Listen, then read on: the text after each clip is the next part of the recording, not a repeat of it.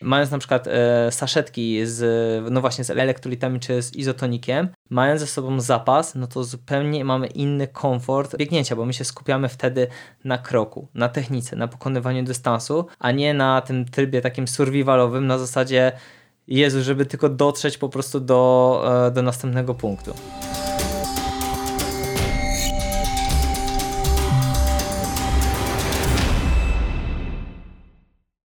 Partnerem odcinka jest Fundacja Krok do Natury, organizator legendarnego ultramaratonu Chudy Wawrzyniec. Chudy to jeden z najstarszych górskich biegów ultra w Polsce. Odbywa się w Beskidzie Żywieckim, zawsze w sierpniu. W edycji 2023 zaplanowano dwa dystanse 50 i 80 km i co ciekawe, wyboru trasy dokonuje się dopiero w trakcie biegu po 40 km. Chudy Wawrzyniec 80 km będzie areną rywalizacji Mistrzostw Polski w biegu górskim na dystansie ultra. Chudemu Wawrzyńcowi towarzyszą Parszywa Będoszka na 60 km, Mała Rycerzowa na 20 km, Muńcu Vertical na 1 km oraz Chudy Hulajnik, zawody dla dzieci i młodzieży. Szczegóły dotyczące biegu znajdziecie na www.chudywawrzyniec.pl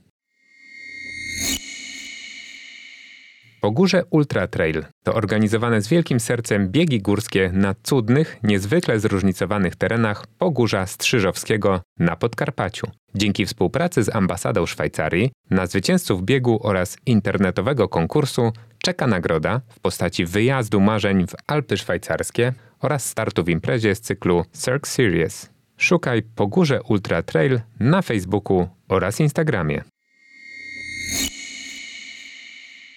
Każdy zapisany i opłacony uczestnik Pogórze Ultra Trail to dodatkowe 10 zł do zbiórki na rzecz Arturka Jemioły, bardzo rezolutnego i rozgadanego czterolatka, chorego na białaczkę. Arturek, pieszczotliwie nazywany przez personel kliniki onkohematologii w Rzeszowie kierownikiem, wykorzysta Wasze wsparcie na leczenie i rehabilitację. Więcej informacji oraz indywidualne wsparcie możecie przekazać Fundacji UROC. Szczegóły na urock.com.pl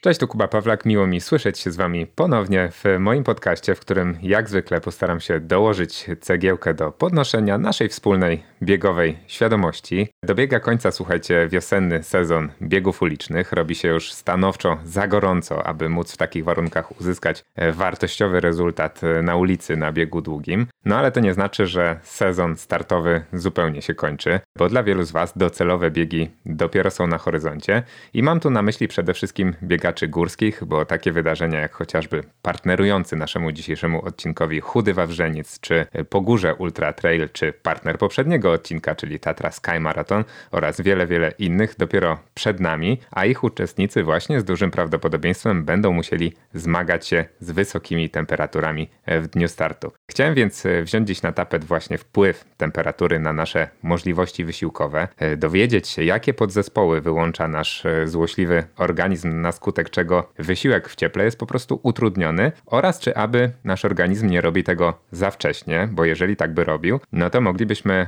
szukać jakichś sposobów na to, aby trochę go oszukać, zmylić, żeby nie robił tego przypadkiem e, trochę za wcześnie. Jestem również ciekawy, na ile ta tolerancja na, na ten czynnik jest w ogóle cechą osobniczą. Czy to, że niektórzy znacznie mocniej cierpią z powodu upałów i wilgotności, wiąże się z ich słabszym poziomem wytrenowania, a może jest to problem bardziej złożony. E, a jako, że moim gościem jest praktyk, który startował w wielu biegach o mega trudnych e, warunkach pogodowych, chociażby pamiętam finał Golden World Trade Series z 2021 roku, czy chociażby tegoroczna Zagama, chociaż tu akurat nie upał, lecz właśnie zimno i wiatr bardziej doskwierały zawodnikom, to chcę dowiedzieć się tego, co możemy zrobić w ramach przygotowań, aby zaadaptować się do takich warunków, na co zwrócić uwagę i w końcu jakie kroki przedsięwziąć, startując w lecie.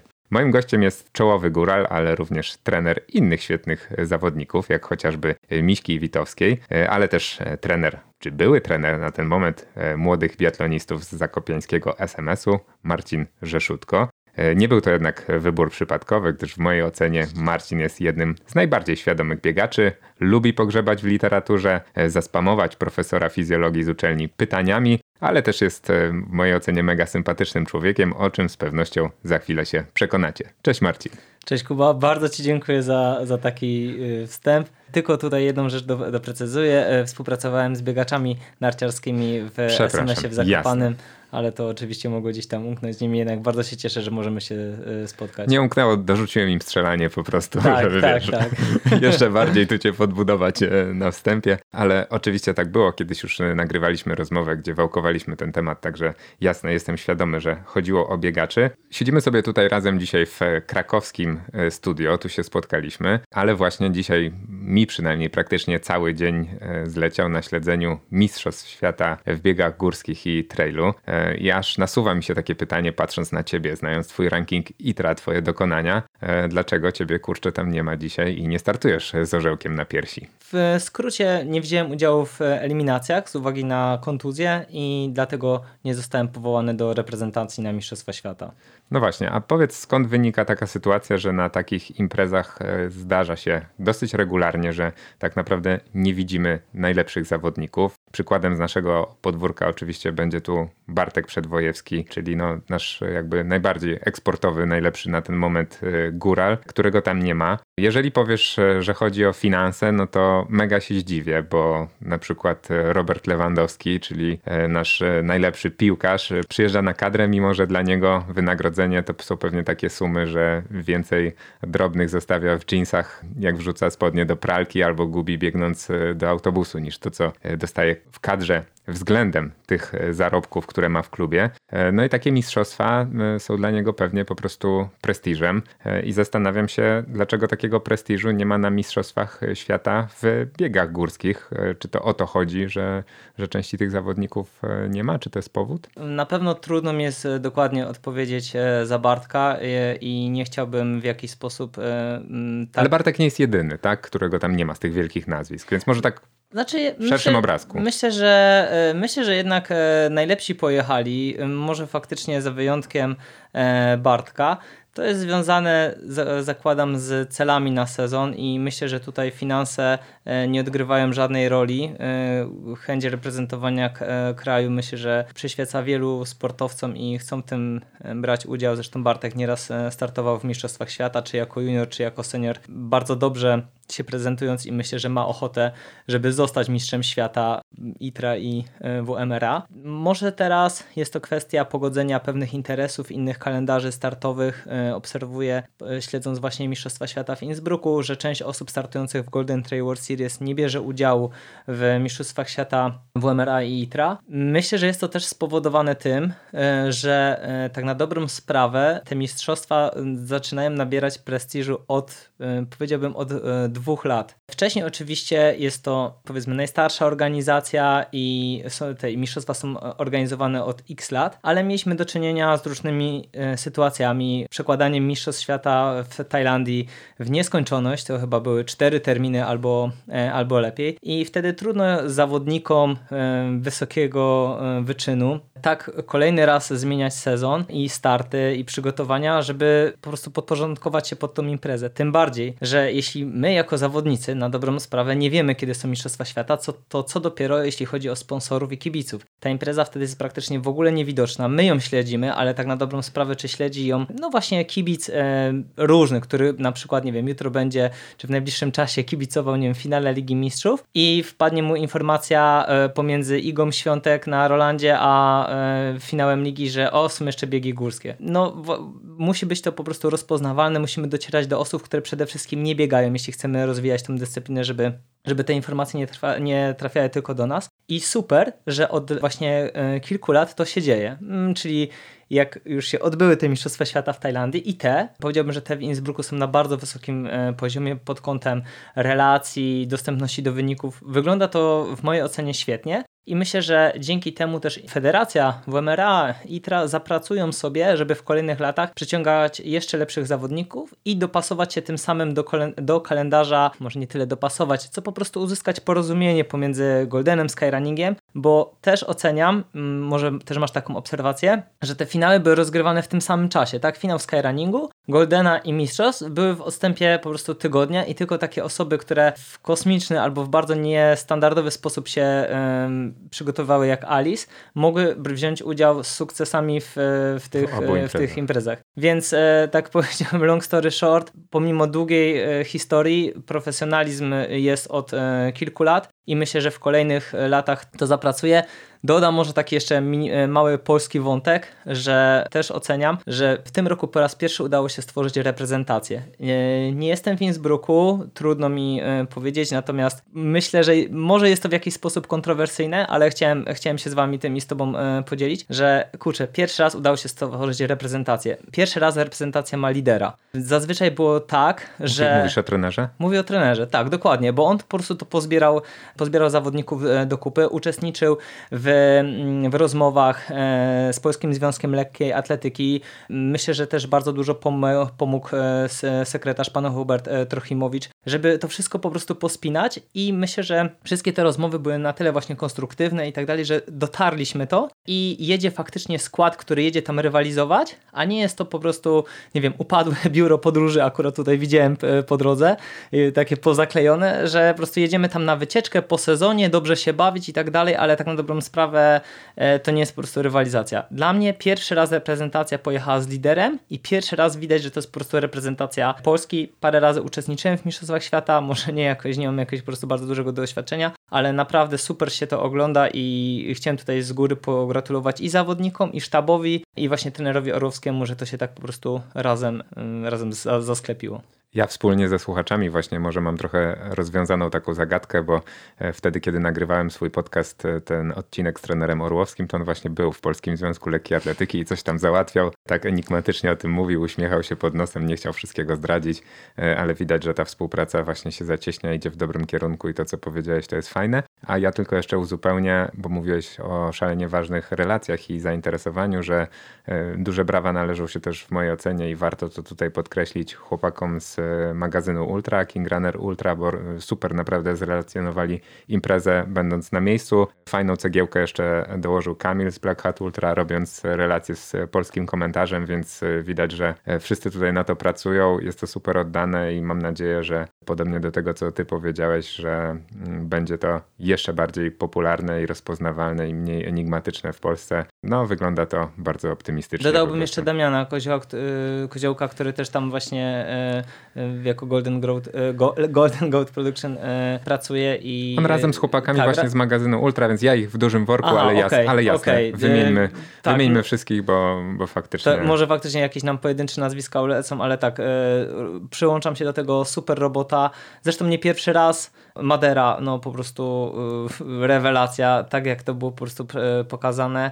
Ostatnio y, bardzo późno, ale odsłuchałem właśnie podcastu Zagamy, ale oglądając po prostu Jędrka, jak on tym żył na miejscu, po prostu y, jest to, jest to rewelacyjne, więc y, bardzo się cieszę, że tak, tak to teraz tutaj wygląda. Pozdrawiamy Jędrka, jeśli nas słucha. Pozdrawiamy. Fajnie, że powiedziałeś o, o Zagamie, no bo wiadomo, że w ogóle cykl Golden Trail Series robi coraz więcej, żeby też w fajnym obrazku to nam pokazać i można powiedzieć, że jeżeli chodzi o biegi górskie, to właśnie oni byli takim game changerem, wprowadzili sporo e, rzeczy po to, żeby uatrakcyjnić nam tą relację.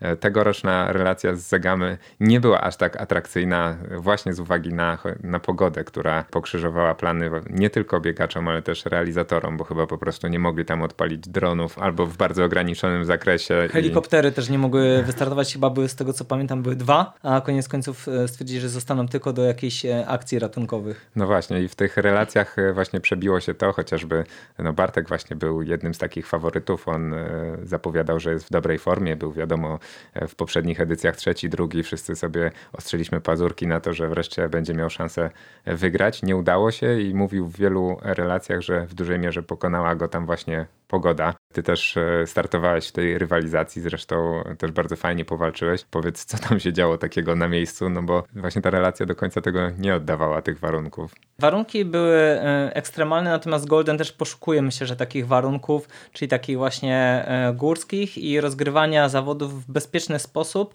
ale jednak e, no, na takim mm, z dużą dawką tego ekstremum pogoda była taka, że y, na, na rozgrzewce była po prostu ściana deszczu, więc w zasadzie wszyscy, którzy wystartowali, no to pewnie już mieli mokre buty i yy, no i po prostu cali, cali byliśmy po prostu, ja nie, nie kojarzę dokładnie, czy ja byłem mokry z rozgrzania, czy, czy po prostu z tej pogody, ale ani tego nie, nie mówię tego po prostu na minus, żeby jakby narzekać i dodawać jakąś e, niepotrzebną dramaturgię do tego, bo wszyscy to akceptowali.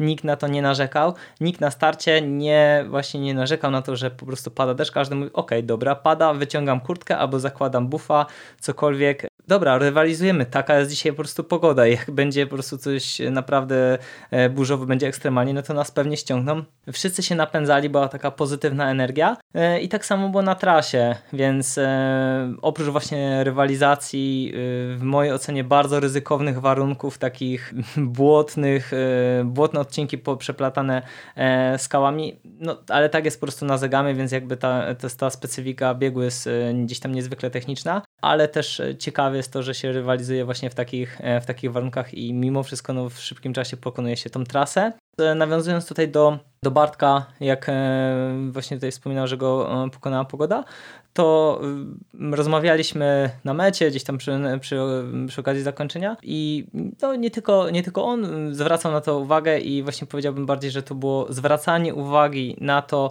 co ewentualnie można było po prostu poprawić albo wdrożyć następnym razem, ale nie było czegoś takiego na zasadzie, o kurczę, gdyby było tak, no to ja bym był na takim takim miejscu. Każdy to po prostu akceptował. W tych warunkach tak to się po prostu okazało. Myślę, że też zawodnicy, a zwłaszcza ten taki absolutny top, no to biegną gdzieś tam po prostu na dużym ryzyku, na tej, tej granicy takiej energetycznej. Myślę też, że jak każdy z nas e, i e, tak na dobrą sprawę to w połowie dystansu to nie wiadomo e, kto wygra, bo może się to zupełnie zmienić. Myślę, że każdy z nas ma jakąś informację dla siebie po tym starcie i dla siebie i dla osób, z którymi, których znamy, współpracujemy, żeby się z tym po prostu podzielić, podzielić dalej. No właśnie, ty współpracujesz z największą rewelacją, jeżeli chodzi o polską ekipę tego obiegu, czyli z Miśką Witą ona jest e, twoją podopieczną. Zajęła tam szóste miejsce. Oczywiście Miśka Witowska jest bardzo znaną zawodniczką, jeżeli chodzi o polskie biegi górskie. E, natomiast przy tak mocnej obsadzie, jak jest na Zegamie, no to faktycznie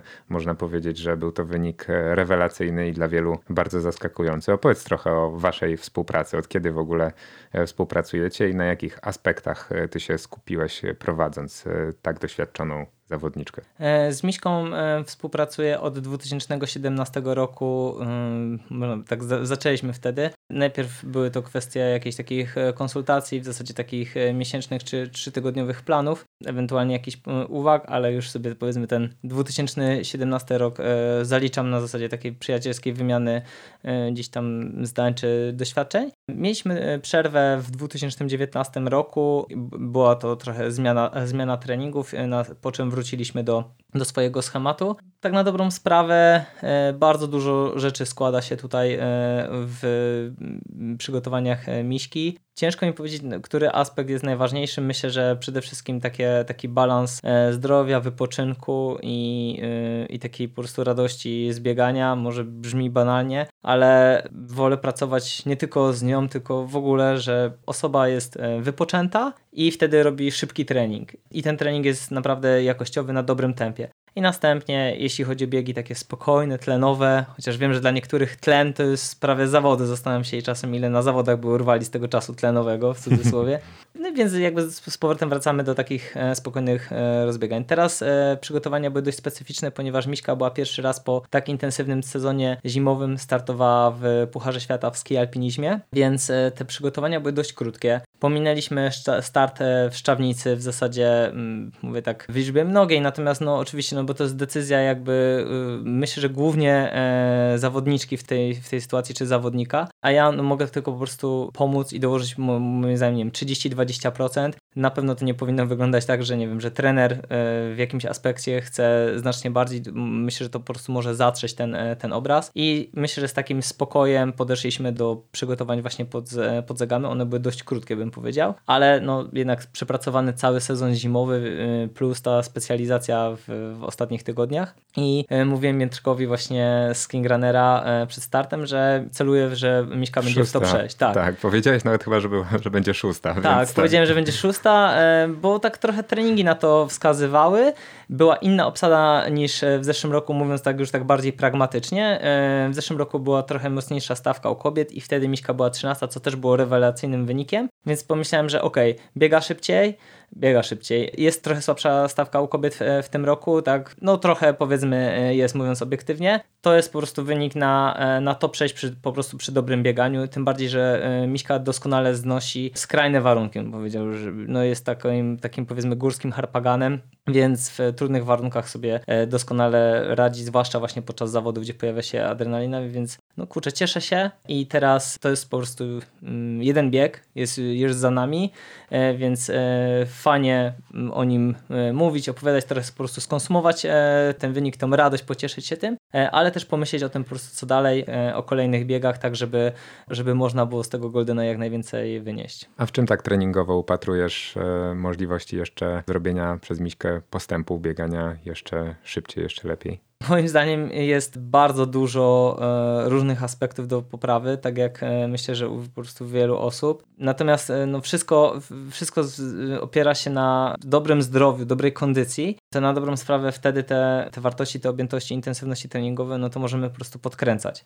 No bo w zasadzie Miśka się może, mm, czy w zasadzie myślę, że każdy z nas, ale no tutaj jak się skupiamy na jej przykładzie, no to może się poprawić w każdym aspekcie, czyli nie wiem, w prędkości progowej, czy takiej startowej, płaskiej w prędkości pod górę, w prędkości w stromym, trudnym terenie z, mie z miejscami takiego powiedzmy takiego power hikingu, co też jest, no wiecie, inaczej się biega podbieg 5-10%, inaczej jak to jest 20-25%. Yy, inne są po prostu prędkości i nieraz jest tak, że osoby, które biegają bardzo podobnie na płaskim albo taki lekki podbieg, no to na stromym jest faktycznie duża różnica, zwłaszcza jeśli do tego na przykład dochodzi jakaś, nie wiem, śliska skała, błoto i tak dalej, to też trzeba tak trochę przez to przez to przejść. I jeśli chodzi właśnie o zimę, to uważam, że e, tam było e, sporo tego treningu, takie e, obozy przygotowawcze, tak jak właśnie w Czerwini, sporo tej objętości i myślę, że to w dużej mierze zaprocentowało na tym wyniku na Zegamie, no bo biegowo no to tych kilometrów było bardzo niewiele. Sezon też taki startowy to nie jest idealny czas do robienia objętości, czy w ogóle do biegania, no bo człowiek też jest zmęczony tymi przelotami, nie ma czasu w ogóle,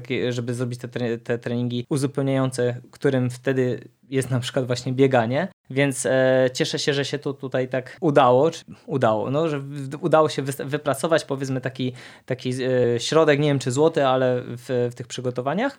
No i na pewno jest plan po prostu co, co dalej, tak? Kilka jakichś opcji, ale to wszystko jest podyktowane zdrowiem, dobrym samopoczuciem e, i taką zdolnością do treningu. Ja też e, lubię podkręcać tempo czy intensywność treningu. Jeśli dobrze, mm, dobrze to progresuje na przykład, e, no nie wiem, tempo, tempo biegu na przykład takiego w zakresie czy, czy progu, no to ok, wtedy możemy to podkręcić, zwiększyć, ale jeśli ktoś się jakby na tym cały czas utrzymuje, no to dla mnie czasem nie ma takiej e, konieczności, lepiej zostać albo odpuścić. E, znowu poszukać po prostu tego głodu i coraz częściej skłaniam się do tego, że no lepiej startować nie, niedotrenowanym niż przetrenowanym, bo no też się o tym mówię, wiem, że to też jest taki po prostu banał, no ale e, no bardzo często się zdarza tak, że po prostu jedziemy i jesteśmy po prostu mm, no zajechani tymi po prostu przygotowaniami, więc fajnie też po prostu poczuć po prostu taki głód, no głód rywalizacji. Aż mnie y, świeżbi język, żeby zapytać cię o te opcje, które masz y, dla Miśki, ale zdaję sobie z drugiej strony sprawę, że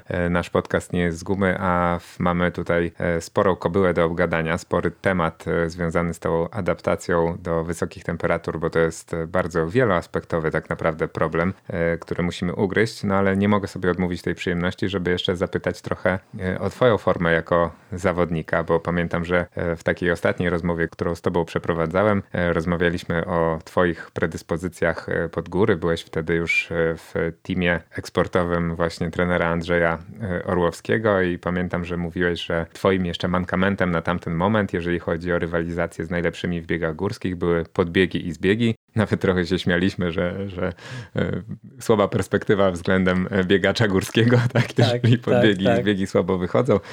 No ale mm, właśnie na jednej z relacji ostatnio widziałem, że trener Orłowski mówiąc o, o szansach e, na Zagamie i, i mówiąc o najmocniejszych punktach poszczególnych zawodników, jeżeli padło twoje nazwisko, to powiedział, że ty w zasadzie nie masz słabych punktów, więc jestem ciekawy, czy to była kurtuazja ze strony trenera, czy faktycznie nastąpiła taka poprawa w tym aspekcie.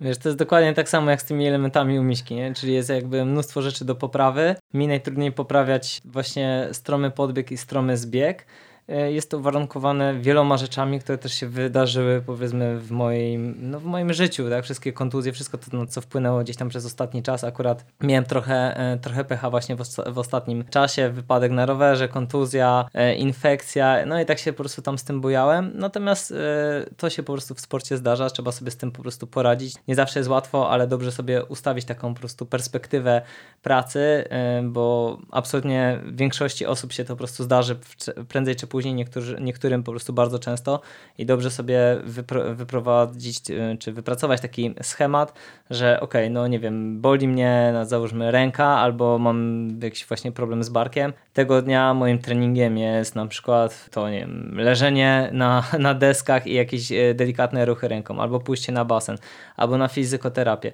I często jest tak, że e, trzy czwarte z tych rzeczy nie działają albo mają bardzo niewielki wpływ, ale mm, myślę, że tutaj ta kwestia też e, głowy i to, że my po prostu cały czas mimo wszystko pracujemy jakby nad poprawą tego, no to daje, daje kopa, taką motywację, pomaga nam trochę jakby oczyścić w głowy w tym, e, w tym trudnym okresie, nie łapać takiej po prostu frustracji, no i przejść do przodu i wtedy też można jakby zwiększać, zwiększać trening, zwiększać objętość, wszystko gdzieś, wszystko po kolei. Od naszej ostatniej rozmowy myślę, że sporo rzeczy udało się poprawić podczas treningu z, właśnie z trenerem Orłowskim i też było sporo przerw, właśnie związanych właśnie z chociażby z kontuzjami czy z przemęczeniem. No ale właśnie, trzeba sobie z tym po prostu radzić i też tą wiedzą wiedzę przekazywać e, innym, żeby oni unikali takich e, sytuacji, zwłaszcza żeby e, osoby po prostu trenujące, mające ograniczony czas na trening i też młode pokolenie, no żeby po prostu było lepsze w jak najszybszym czasie, czy gdzieś tam za, za parę lat, żeby było lepsze od nas. No dobra, przyszedł ten moment. Przejdźmy do, w takim razie do, do tematu odcinka. Myślę, że e, wszyscy biegacze z okolic e, Suwalszczyzny mogą w tym momencie wyłączyć już e, odbiorniki, bo ten temat absolutnie Was nie dotyczy. Biegun, biegun zimna. Oczywiście tutaj pół żartem, bo widziałem kiedyś relacje chyba z obozów Bartka Olszewskiego i Kasi Gorlo. Oni tam robią fajne obozy na, na Suwalszczyźnie i tam też potrafi słoneczko nieźle dopiec, a cienia nie ma za dużo, więc, więc to taki nie do końca trafiona teza. Klimat się ociepla, coraz więcej zawodników i e, treningów my biegacze też musimy wykonywać właśnie w trudnych, ciepłych warunkach. O tym chciałbym dzisiaj Marcin z Tobą głównie e, pogadać. Powiedz na początek, w jakich Ty najtrudniejszych temperaturowo warunkach e, biegałeś? Czy to był właśnie ten pamiętny finał na El Hierro w 2021, podczas którego tak właśnie wszystkich srogo pozamiatało, czy coś było jeszcze bardziej hardkorowego? Myślę, że jeśli chodzi o ciepło, to Eliero i zdecydowanie też inaczej jest, jak e, bierzemy udział w zawodach w skrajnych temperaturach. No i też parę razy spotkałem się z takim dużym e, zimnem, które też gdzieś trzeba było się z tym zmierzyć, natomiast akurat nie miałem takiej sytuacji, żeby to było podczas zawodów. E, a powiedz, e, pamiętasz dobrze wtedy tą rywalizację na El Hierro? Tam się wszystko zmieniało jak w kalejdoskopie. Duża część zawodników po prostu tam padała jak muchy w pewnym momencie i zastanawiam się, e, którzy z nich e, wyszli na tym najlepiej, bo może to już będzie dobry wstęp do rozmowy e, właśnie o strategii w dniu biegu, kiedy wiemy, że te warunki są E, bardzo trudne. Zastanawiam się, czy najlepiej wyszli właśnie tacy, którzy zaczęli spokojnie i e, ostrożnie, czy właśnie tacy, którzy chcieli jak najwięcej urwać przed tym momentem, w którym nastąpi taki e, sromotny zgon, no bo on jednak mimo wszystko większość tych zawodników na trasie wtedy dopadł. Prawdę mówiąc, źle wspominam te zawody, z tego, nawet nie z tego względu, że w miarę powiedzmy tam pobiegałem, tylko że dla mnie po prostu w jakimś momencie zawodów e, to skończyła się rywalizacja i zaczął się taki survival. Docierałem do zawodników, którzy e, wyglądali bardzo źle i nie miałem ani satysfakcji z mijania takich osób, zatrzymywałem się, starałem się pomóc, da dając na przykład swoje, e, swoje picie, jakieś, nie wiem, żele, idąc z kimś po prostu parę kroków, kto, kto siedział, na przykład, nie wiem, szedłem tak chwilę z, z Kanszardem. I no trudno mówić wtedy o rywalizacji, prawda, więc koniec końców po, po takich przygodach, które gdzieś tam mnie e, spotkały, tam nie wiem, przegrałem wtedy z De Lorenzim tam minutę na, na mecie, to absolutnie jakby o tym nie myślałem, to było dla mnie trochę trochę byłem właśnie sfrustrowany, że y, zawody puszczo zostały puszczone w takich warunkach i że nie, nie była dostarczona woda w wielu miejscach, gdzie można było bez problemu dojechać y, osobowym autem. To było cenne doświadczenie, myślę, że dla nas i dla organizatorów e, Goldena, którzy szukali tego ekstremum, tego właśnie o czym rozmawialiśmy na początku rozmowy, czyli takiego po prostu wypośrodkowania tego, gdzie jeszcze jest e, taki challenge, ale w którym występuje rywalizacja, gdzie się zaczyna po prostu survival myślę, że tam po prostu był zdecydowanie ten survival. Wygrali zawodnicy najlepiej do tego zaadaptowani, najlepiej do tego przygotowani, więc oczywiście ten element rywalizacji był, był jednak po prostu finał serii. Natomiast takie zawody, znaczy tak, zawody w biegach górskich też są skierowane dla e, szerokiego grona osób uczestniczących e, amatorów. I taki bieg nie mógłby się absolutnie odbyć. Patrząc procentowo, ile osób wylądowało, no chociażby nie pod, pod kroplówką albo z jakimś e, lekkim udarem cieplnym wymiotujących, gdyby to była szersza skala, chociażby gdyby wystartowało 100 osób, już nie mówię jakby wystartowało, nie wiem, 200 albo 500, no to mogłoby się po prostu coś skończyć. Zdaję sobie sprawę z tego też, że jest statystyka, no i nie wiem, ludzie po prostu czasem są przykłady po prostu w trakcie zawodów, kiedy ludzie po prostu umierają z, na przykład z udaru cieplnego czy z innych problemów, nie wiem, kardiologicznych, no ale po prostu nie, nie doprowadzajmy do tego e, specjalnie, to jest jednak po prostu e, sport i w dużej mierze robimy po prostu to dla zdrowia, zwłaszcza jeśli wychodzimy po prostu dwa, trzy razy w tygodniu pobiegać, więc myślę, że takie e, zawody, no nie zawsze, może nie, że nie zawsze, takie zawody w takich warunkach nie są, nie są potrzebne. Powiedziałeś, że ty byłeś jednym z tych, którzy najlepiej wytrzymali te warunki, pomagałeś e, innym. E, co było w Twoim przypadku takim właśnie czynnikiem, który był za to odpowiedzialny, który spowodował, że że wypadłeś najlepiej? Czy bardziej upatrywałbyś tego sukcesu w cudzysłowie w adaptacji przed biegiem, czy bardziej w strategii już samego biegu i tych wszystkich rzeczach, które robiłeś będąc na miejscu na El Hierro? Nie powiedziałbym, że zniosłem te zawody bardzo dobrze, po prostu miałem e, kryzys trochę w, e, we wcześniejszej fazie biegu, powiedzmy tak po około półtorej, dwóch godzinach, więc jak dotarłem do następnego punktu, to też wziąłem więcej wody, trochę więcej czasu tam spędziłem. Myślę, że po prostu właśnie ten taki, to takie uderzenie, to takie mocne pacnięcie, wielu zawodników dopadało później, a ja wtedy po prostu byłem już powiedzmy może po tym kryzysie, mającym po prostu gdzieś tam dodatkową wodę, natomiast no też te zawody w jakiś sposób gdzieś tam po prostu odchorowałem, więc e, nie byłem do nich gdzieś tam e, powiedzmy idealnie e, przygotowany. Nie było też wtedy takiej przestrzeni na tą aklimatyzację cieplną i myślę, że właśnie u wielu osób to jest po prostu pomijane. Ja się na dobrą sprawę później, dopiero trzy miesiące później spotkałem z protokołem aklimatyzacji cieplnej do, do Tokio i też spotkałem Dawida Tomale na dyszce pod Krokwią który wspomniał o tym, że właśnie aklimatyzował się i sprawdzałem sobie właśnie jak u innych zawodników, e, konkretnie z Dawidem o tym nie rozmawiałem, ale sprawdzałem jak wygląda adaptacja, e, aklimatyzacja cieplna u innych zawodników na właśnie na takim poziomie na jedziemy na igrzyska, y, spodziewamy się, jak tam jest po prostu temperatura, ok, musimy się do tego przygotować najlepiej jak możemy, bo to w, jakie mamy VO2 max, jeśli pewne rzeczy gdzieś tam nie, nie, y, nie załatwimy, no to przestanie mieć znaczenie w dniu startu. Fajnie, nasza rozmowa zmierza w takim razie w bardzo dobrym kierunku, bo już jestem ciekawy. Ja też trochę odrobiłem pracę domową i też poczytałem e, o tych e, strategiach, Super. E, ale na pewno nie mam aż tak dużej wiedzy jak ty i to ty jesteś tutaj ekspertem i ten ciężar będziesz dźwigał, ale pomyślałem sobie, że warto było usystematyzować na początku trochę naszą rozmowę i wrócić w ogóle do Adama i Ewy. Dlaczego fizjologicznie upał aż tak determinuje możliwości wysiłkowe naszego organizmu? Jest to związane z wieloma czynnikami.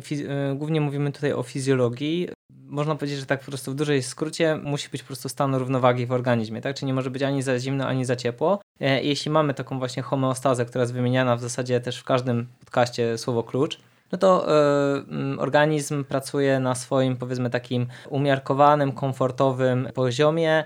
Następuje odpowiednia regulacja wszystkich e, procesów, które są ze sobą powiązane. W aklimatyzacji cieplnej nie mówimy o e, przewadze jednych procesów względem e, drugich. To wszystko jest ze sobą połączone. Ma to niesamowity wpływ na układ e, krwionośny, ale też wydalniczy, czyli no, począwszy gdzieś tam powiedzmy od nerek, układ hormonalny, ale też układ nerwowy i zaburzenia każdego z tych układów, myślę, myślę, że w zasadzie nie ma układu, którego byśmy nie wymienili, który nie, nie musi się zmienić i przystosować właśnie do, do temperatury, a jego dysfunkcja może powodować bardzo poważne konsekwencje w trakcie i po zawodach. Super, że jesteśmy na tyle właśnie rozwinięci, że mamy wiele receptorów czy takich przystosowań, którymi możemy regulować ten poziom ciepła, który na, którego na przykład nie mają załóżmy psy albo niektóre zwierzęta i możemy się właśnie w jakiś sposób lepiej przygotować do danych specyficznych warunków, poprawić swój właśnie performance, powiedzmy o 10, 15%, 20% może, gdzie na przestrzeni właśnie no nie wiem, na czasie powiedzmy maratonu czy, czy innej konkurencji, no to jest naprawdę spora różnica. Powiedziałbym, że aklimatyzacja cieplna jest zagadnieniem w miarę prostym, mogłoby się wydawać. E, myślę, że bardzo często pomijanym, bo myślę, że jak mówimy o aklimatyzacji, to zazwyczaj nam kojarzy się z aklimatyzacją wysokogórską. I myślę, że tutaj też główna różnica polega na tym, że aklimatyzacja wysokogórska jest, e, można ją wykonywać, czy wykonuje się ją nie tylko po to, żeby jechać na dużą wysokość, a raczej w zasadzie w zdecydowanej większości korzystamy z dużych wysokości, ale naszym celem jest zupełnie coś innego. Nie wiem, spalenie e, tkanki tłuszczo tłuszczowej, e, czy w ogóle jakiś deficyt kaloryczny, poprawy na przykład krwi, poprawy fizjologiczne. A tutaj aklimatyzacja cieplna raczej jest stosowana tylko i wyłącznie do tego, że po prostu lepiej, e, lepiej będziemy się zachować dokładnie w takich e, specyficznych warunkach. Raczej nie ma czegoś takiego, że nie wiem, trenujemy po prostu w 80-100 stopniach, żeby na maratonie, kiedy będzie 25 stopni, czuć się lepiej. To są takie bardzo jednostkowe e, sytuacje i badania. Czyli jest to adaptacja, która jakby nie da nam relatywnie, jeżeli chcielibyśmy ją tak wykorzystać jak hipoksję, tak jak powiedziałeś, jeżeli dobrze zrozumiałem, bo mm, hipoksji używamy w jakim celu? Jest to stresor, jakiś tam dodatkowy bodziec tak, dla, dla organizmu. Jedziemy sobie w góry, tam te parametry wszystkie nam się poprawiają, zjeżdżamy w dół, następuje super kompensacja, organizm odpoczywa i wtedy jest e, taki najlepszy moment na sprzedanie formy, na start. U jednych to jest po tygodniu, u drugich po półtora, u innych po dwóch tygodniach, to też jest jakieś tam osobnicze. Czyli chcesz powiedzieć przez to, że analogicznie, gdybyśmy pomyśleli o temperaturze jako takim właśnie bodźcu, który miałby zbustować naszą formę i być użyty trochę w podobny sposób, e, wykorzystane te różne adaptacje, a start byłby przy wypadku hipoksji, to jest start jest w normoksji, w normalnych warunkach, na nizinach, a tutaj przygotowywalibyśmy się w wysokich temperaturach, a startowali w normalnych, czyli niskich, niższych, odpowiednich, to już tak nie zadziała, tak? To miałeś na myśli? E, myślę, że w skrajnych sytuacjach nie. W hipoksji też mamy do czynienia z czymś takim, czyli właśnie no, bardzo duża stymulacja w jedną stronę i w drugą, no bo też mamy zjawisko hipertoksji i też treningu mitochordialnego, wytrzymywanie większej ilości na przykład, no nie wiem, mm, powtórzeń beztlenowych, czy jest to wykorzystywane też czasem w, te, w treningu siłowym. Są takie komory, które są też w Polsce dostępne Natomiast wracając do aklimatyzacji cieplnej, raczej jest to stosowane do pracy właśnie w bardzo specyficznych warunkach. Oczywiście trenując na przykład, nie wiem, na bieżni mechanicznej, e, podnosząc temperaturę taką wewnętrzną naszego, e, naszego organizmu, stymulując do zwiększenia e, potliwości, do trochę zmiany składu potu, osocza, to też stymulujemy się na większe temperatury niż tego dnia występują w siłowni.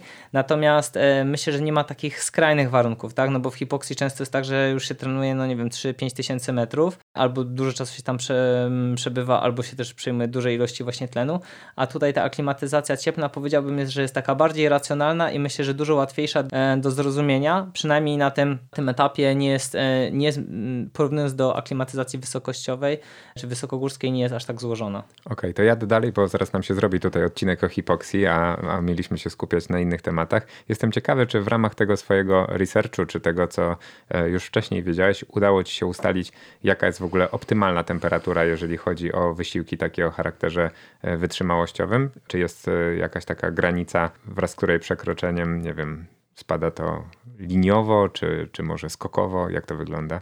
Więc tak, no w badaniach e, albo w, w, badaniach, które są powiedzmy takie, nie wiem, dostępne, nie wiem, dla maratończyków na przykład, czy na przykład e, jakby wcześniej na przykład wyścigi godzinne, stare jeszcze, stare czasy, polecam książkę o Giro, to nawet w latach dwudziestych było tak, że właśnie była temperatura odpowiednia dobierana do, e, dla kolarzy, więc to nie jest też jakiś teraz wymysł gdzieś tam powiedzmy ostatnich lat, fajnie, że, że prawie gdzieś tam, czy no 100 lat temu się też takie badania gdzieś tam toczyły i ludzie starali się cały czas przekraczać te możliwości. E, więc tak, około 10-15 mm, stopni, niektórzy to zawężają bardziej 10-12, e, czyli takie temperatury mniej więcej jak występowały, e, czy właśnie Berlin 2018 rok, maraton we wrześniu, trasa, wilgotność powietrza, lekki po prostu wiatr, bardzo dobre warunki do, do rekordu świata, który wpadł, no bo padł, więc jakby wtedy analizujemy tą, tą pogodę.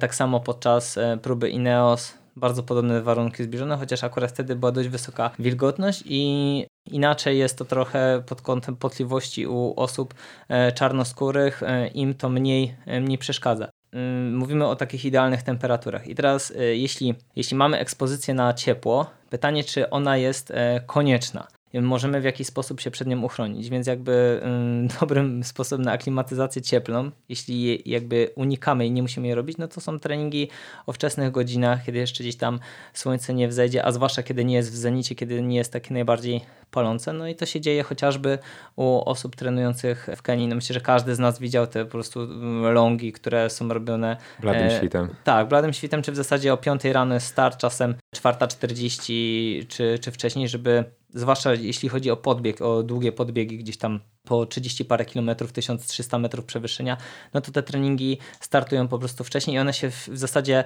często o świcie kończą, że tam w połowie treningu jest jeszcze, jest jeszcze ciemno, więc tam jest po prostu unikanie tej, e, tej ekspozycji. No tak, tylko tak jak powiedziałeś, oni się szykują do startu też w optymalnych warunkach, tak? tak? Więc na siłę nie próbują wychodzić i pierwszy wniosek z naszej rozmowy może być taki, że jeżeli macie docelowo zaplanowany start, w którym ta ekspozycja na temperaturę nie będzie taka wysoka i nie macie konieczności, no to po prostu lepiej unikajcie, tak? Tak, dokładnie. Druga, druga strona jest taka, że organizm każdego z nas naturalnie aklimatyzuje się cieplniej, wychodząc powiedzmy z tego okresu zimowego. Czy tak jak e, nie wiem, na południu Polski czy na północy, ta temperatura z miesiąca na miesiąc coraz bardziej się zwiększa i my e, podejmując e, trening w danych warunkach coraz bardziej się do tego, no właśnie, aklimatyzujemy. I teraz, jeśli chcemy to przyspieszyć, no to możemy właśnie, możemy to zrobić wykonując większą ekspozycję na, na słońce, na temperaturę, zachowując podstawowe elementy, które w jakiś sposób nas zabezpieczą, żeby, y, żeby tutaj no w, pewien, w pewien sposób no racjonalnie do tego podejść i nie, nie przesadzić. To zaczyna się od diety, od y, odpowiedniego poziomu chociażby elektrolitów, y, ale mm, też dieta taka, która nie obciąża naszego układu, chociażby nie, nie obciąża nerek. One mają dość dużą łatwość w filtracji, co też pomaga w aklimatyzacji cieplnej, a w trakcie zawodów jest szalenie, szalenie ważne. Między innymi dlatego NLPZ-y, czy mówiło się gdzieś tam w trakcie biegania o NLPZ-ach, one zostały właśnie gdzieś tam zabronione przez Quartz, ponieważ one wywołują e, nie tylko tak jak ibuprofen dla mięśnia sercowego, ale e, czy paracetamol dla e, ibuprofen, czy mocniejsze, naprawdę spustoszenia takie nefrologiczne i może być z tym po prostu później olbrzymi problem, a chyba nie o to nam chodzi. Przewlekłe właśnie stosowanie leków, a takich, które obciążają w jakiś sposób nasz układ na przykład nerwowy, no to może być naprawdę bardzo duży problem właśnie podczas zawodów albo, albo w zasadzie bezpośrednio po nich może się po prostu coś, coś stać, więc odpowiednia dieta, powiedziałbym, że dość minimalna e, suplementacja, nie obciążanie za, za mocno tego układu. Z takich rzeczy może, które może nie są aż tak oczywiste, to napoje typu zero e, aspartam też ma wpływ na filtrację nerek, więc nie poleca się, się pić w dużych ilościach napoi typu zero lub słodzonych właśnie słodzikami w warunkach, kiedy jest ciepło albo kiedy jest właśnie podejmowany wysiłek. I to samo niestety tyczy niektórych elektrolitów, które e, są słodzone właśnie e, słodzikami, bo są na przykład zero. Tutaj mm, odesłałbym do leków albo do elektrolitów, takich, które znamy gdzieś tam bardziej z aptek. E, gastrolit, litorsal to są na przykład elektrolity, które zawierają w swoim składzie glukozę, która też pomaga w odpowiednim, powiedzmy, przepływie tych elektrolitów przez, przez nasz organizm.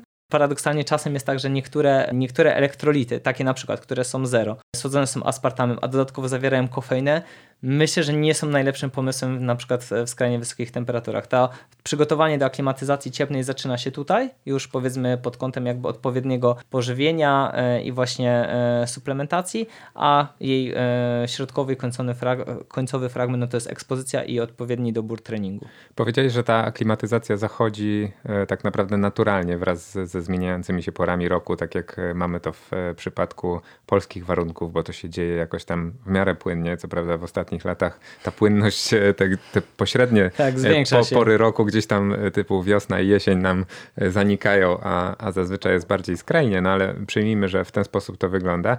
I ja się zastanawiałem, czy ty jako trener, który pracował z wieloma właśnie młodymi zawodnikami, chociażby tymi biegaczami narciarskimi, czy, czy ty masz takie spostrzeżenie, że niektóre osoby reagują na tą zmianę łatwiej, a niektóre gorzej i zastanawiam się, czy ma to jakiś związek z formą sportową po prostu. Czy te osoby, które mają większy potencjał sportowy, to im ta zmiana przyjdzie lepiej, czy to jest może jakieś takie bardziej osobnicze, że niektórzy mają po prostu predyspozycje większe do tego, żeby biegać w upale? Predyspozycje genetyczne to na pewno jest jeden z czynników warunkujących chociażby potliwość, więc y, myślę, że w ogóle jak idziemy z jakąś grupą pobiegać, no to widać kto pierwszy ma mokrą koszulkę albo spodenki i taka osoba musi po prostu przyjmować e, od razu więcej e, elektrolitów i jest to po prostu do wypracowania. Ta genetyka, odszedłbym od takiej e, powiedzmy narracji na zasadzie ja tak mam, ja po prostu na treningu mniej piję. Nie ma czegoś takiego. Po prostu y, chyba, że jesteś naprawdę w tym takim promilu i słuchasz tego podcastu, ale raczej, y, raczej jest tak, że po prostu wmawiamy sobie i szukamy sobie e, informacji dla nas odpowiednich, ale e, u osób, które naprawdę no też jakby dużo się pocą, dużo wypacają, e, można to fajnie wyregulować permanentnym dostarczaniem dobrego właśnie pożywienia bogatego w sód.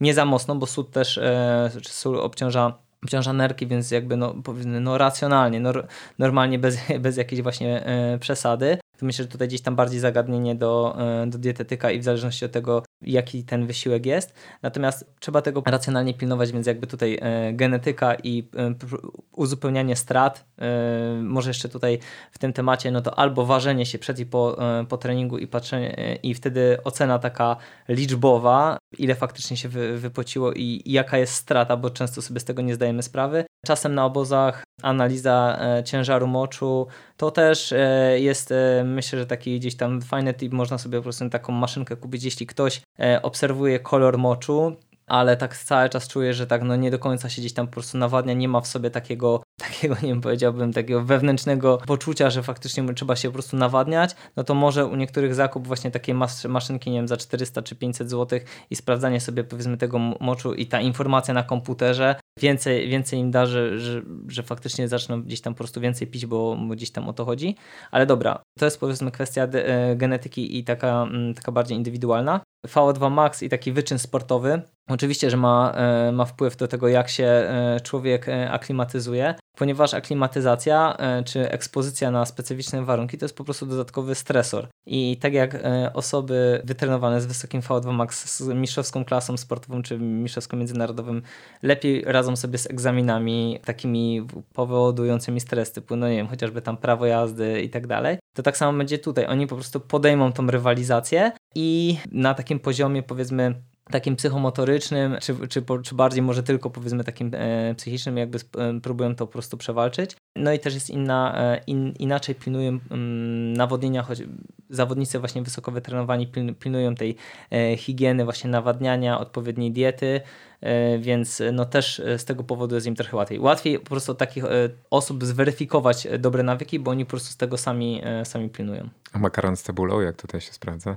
E, na obozie i przed zawodami bardzo dobrze. Aczkolwiek cebuli nie może być ten, nie może być e, za dużo, bo to jednak e, danie gdzieś tam bardziej włoskie niż, niż polskie. Ja tutaj nawiązuję oczywiście do tego, co ostatnio rozniosło się, jeżeli chodzi o dietę właśnie, gdzie na Zagamie wtedy, tak, byliście, gdzie to, to danie słynne gotowałeś. Tak, ale to nie wiem, czy zostało tam pokazane, że tam oprócz cebuli to oczywiście wleciały pomidorki, cukinia i tak dalej, czy... czy ja tylko poszło, słuchałem, nie oglądałem. Czy, czy już poszło, że tylko cebula i Właśnie poszło, że makaron dostał, z cebulą. Każdy dostał suchy makaron i cebulę do przegryzienia jak jabłko, to... Danie polskiego biegacza eksportowe, tak? Tak, tak, tak. Nie, no dobra, żarty żartami, ale mówimy sobie o temperaturze, a myślę, że warto wspomnieć o bo my tak w domyśle mamy z tyłu głowy też drugi czynnik, czyli wilgotność, bo wilgotność w znacznym stopniu utrudnia naszemu ciału tą termoregulację i potęguje właśnie wpływ upału. Dlatego też e, właśnie tabele takie określające niby komfort czy tam dyskomfort e, termiczny dla sportowców i ogólnie zazwyczaj biorą pod uwagę korelację między tymi dwoma parametrami. Jakbyś mógł króciutko powiedzieć, na czym to polega?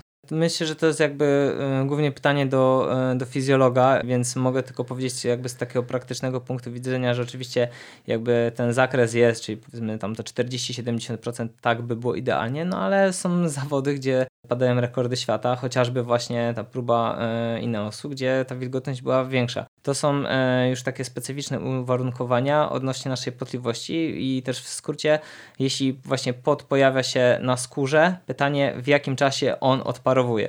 Jeśli on bardzo długo na tej skórze siedzi, nie jest w stanie odparować, no to on blokuje jakby e, gruczoły pod kątem, czy no to jest jakby dla nich kolejna powiedzmy warstwa do pokonywania. Moim zdaniem, żeby tak może powiedzieć też to jakby takich parę takich tipów odnośnie, e, odnośnie tego, jak, e, jak tutaj powiedzmy no nie wiem, monitorować chociażby ten, ten pot i tą ekspozycję na ciepło. Powiedzmy, że w idealnym scenariuszu temperatura miesięczna rośnie sobie tak delikatnie. Mm, natomiast no, też bardzo często tak nie jest i są takie specyficzne rejony Polski, gdzie nagle po prostu zmierzymy, mierzymy się z upałem i jest różnica od e, poprzedniego tygodnia, załóżmy o 15 stopni. Więc na pewno to, o czym mówiłem wcześniej, czyli dieta na e, nawodnienie, e, ekspozycja na, na to ciepło. Nie rezygnowałbym wtedy z, z treningu, tylko starał się trenować na mniejszych intensywnościach, albo na porównywalnych, bo wiadomo, że wtedy będzie większe tętno, spadną nam prędkości, jeśli my się tym będziemy po prostu frustrować, a będziemy mieć, nie wiem, napisane, czy nam zegarek powie, że w tego dnia takim tempem musimy biegać, jest to po prostu absolutnie bez sensu. Yy, jeśli jest tak duży skok właśnie temperatury, no to nie możemy po prostu biegać za, za szybko, po prostu spadnie nam tętno. To jest też coś o tym wiem, bo robiłem sobie właśnie teraz taki protokół aklimatyzacyjny, będąc w Tajlandii. Biegałem jak było 32 stopnie yy, w cieniu, a później wychodziło słońce i na początku yy, naprawdę było ciężko biegać biegać e, powyżej godziny czy 90 minut ale z czasem zaklimatyzowałem się tak, że do 3 godzin można było bez problemu, e, bez problemu mm, dobiegać, bez, mówię tutaj o treningu, bez, e, bez jakichś powiedzmy dużych, dużych strat i cierpienia. Po. Tutaj też jest ważne, żeby, żeby zauważyć, że trening w wysokich temperaturach zwiększa czas regeneracji, więc jakby warto tutaj też zadbać o, o odpowiednie nawodnienie, które ten czas nam, nam skróci. A więc tak, stopniowa ekspozycja, stopniowe wydłużanie tej e, objętości treningu zaczynałbym powiedzmy od godziny. Naprawdę takie racjonalne podejście do prędkości. Po prostu jeśli czujemy, że za szybko, nie jesteśmy w stanie po prostu gdzieś tam nadążyć, picie się nam szybko zaczyna kończyć, trzeba to skrócić. Jeśli widzimy, że nie wiem, po godzinie mamy już wypity litr picia, to też e, ten trening moim zdaniem należałoby przynajmniej pomyśleć o skończeniu, tak żeby cały czas e, biegać, mając ze sobą jeszcze jeszcze jakiś napój i y, to też dla komfortu takiego po prostu psychicznego i stopniowo to samo się zacznie wydłużać. Ważne jest, żeby też trenując właśnie w takich warunkach, no dbać o zdrowie, czyli y, krem z filtrem. Na rynku y, jest sporo kremów, może nie sporo, jest parę, które są bardzo dobre do stosowania przez sportowców, ponieważ po prostu nie są takie oleiste i nie czujemy się od razu, że ja się nie smaruję kremem, bo po prostu czuję, że za chwilę się tym pocę i wszystko mam takie tym oblepione. No ja jestem właśnie taką osobą, że po prostu nienawidzę kremów, ale parę razy jak e, właśnie znalazłem gdzieś, e, czy na przykład żona Bartka Przedwojewskiego dała mi właśnie jakiś taki, nie wiem, wypasiony krem z filtrem, to naprawdę e, komfortowo się w tym biegło. No i to jest ważne po prostu dla, już nie tyle, żeby nie mieć po prostu zmarszczek, ale rak skóry, podrażnienie gruczołów potowych, to wszystko się z tym, z tym wiąże. Można też nam przed treningiem, do tego bym polecał, jeśli, zwłaszcza jeśli ten trening robimy w drugiej części dnia, to zalecałbym, żeby wziąć prysznic, umyć się jakimś takim lekkim detergentem, żeby te gruczoły były otwarte, to wtedy też dużo, e, dużo lepiej się człowiek e, wypaca. To jest e, często obserwowane na Zwifcie, nie wiem czy zwróciliście uwagę często, że właśnie przed zawodami na Zwifcie to kolarze biorą, biorą prysznic. Ja tylko potwierdzę z tymi kremami, bo też jestem z twojej bandy, y, czyli no pewnie to... Jesteśmy z jednego teamu. Tak, pewnie trochę, trochę stereotypowe takie, wiesz, my, że faceci lubią kosmetyki pięć w jednym, nie? A, a dziewczyny mają tak. każdy do... I ręcznik do... też jest pięć w jednym. tak, dokładnie, to, to tutaj e, gramy w jednej drużynie, a faktycznie ten krem mam taki, nie, nie wiem jaki to jest producent, nie to, że nie chcę robić kryptoreklamy, ale nawet szczerze mówiąc nie pamiętam e, jak się nazywa producent, ale to jest naprawdę super sprawa i przede wszystkim, co jest ważne, też nie szczypie szczypie w oczy, bo, bo często jest taki efekt, że jak się takim zwykłym kremem posmarujesz, zaczniesz się pocić, to ci zaczyna spływać i wszystko szczypać. E, natomiast e, ten jest taki, że w ogóle tego efektu nie ma i to jest naprawdę e, spoko. Powiedziałeś kilka razy w tej swojej wypowiedzi słowo klucz, mianowicie czas. Wiadomo, że my biegacze nie należymy do najbardziej cierpliwej grupy. Jestem ciekawy, ile taki okres adaptacji do tej zmiany temperaturowej może trwać tak naprawdę, no bo nikt z nas pewnie nie lubi wolno biegać i nie lubi czuć się jakoś super ociężale na treningu e, przez e, bardzo długi czas. Kiedy to jest takie ok, a kiedy można powiedzieć, że coś dzieje się trochę za długo? Wydaje mi się, że taki e, minimalny okres aklimatyzacji, taki super, super krótki, to są 3 dni i po takim czasie nie da się wystartować w zawodach, albo praktycznie ta klimatyzacja pod kątem zawodów jest niezauważalna. Fajnie, jeśli mamy na to 10, 14, 20 dni, E, I teraz, e, jeśli pomyślimy sobie, że o kurczę, obóz 21 dni aklimatyzacji cieplnej, no odpada, to wolę jechać w góry na wysokość i po prostu ładować czerwone krwinki. To wszystko zależy też, o ile większa będzie wartość w miejscu, w którym będziemy startować.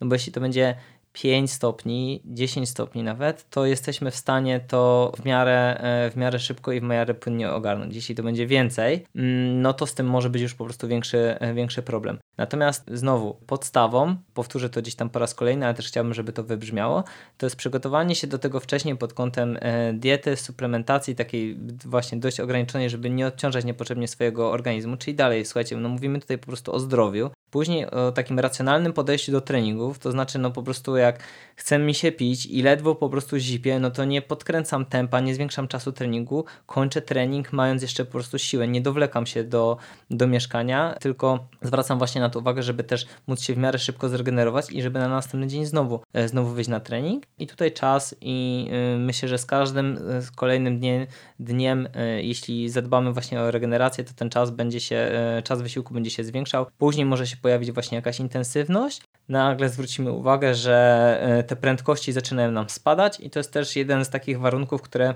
na niektórych zegarkach jest określany jako właśnie aklimatyzacja cieplna, czyli to też jest taki powiedzmy spadek tętna przy powiedzmy tem, przy temperaturze zewnętrznej, o ile się da porównać z temperaturą zewnętrzną zegarka, który jest na, na naszym ciele, no ale tak to mniej więcej jest po prostu monitorowane. Tylko tutaj jest też taki, taki mały, mały mankament, że to też może być związane ze zmęczeniem, więc e, no przede wszystkim patrzymy po prostu na siebie, a nie na, e, nie na aplikacje i na gadżety, to jest uzupełnienie naszych, naszych powiedzmy subiektywnych odczuć. I teraz tak jak to wszystko prze, przebrniemy, to myślę, że wtedy możemy kombinować z takimi dodatkami, jakimi są na przykład treningi na trenażerach bez, e, bez chłodzenia, czyli właśnie gdzieś tam bez wiatraków, treningi w, w saunie, nie rozgrzanej na maksa, ale gdzieś tam po prostu w wyższych e, temperaturach i schładzanie lodem różnych części ciała w różnych proporcjach. Jeśli pominiemy te wszystkie rzeczy na początku, no to choćbyśmy mieli ze sobą ogromne ilości lodu,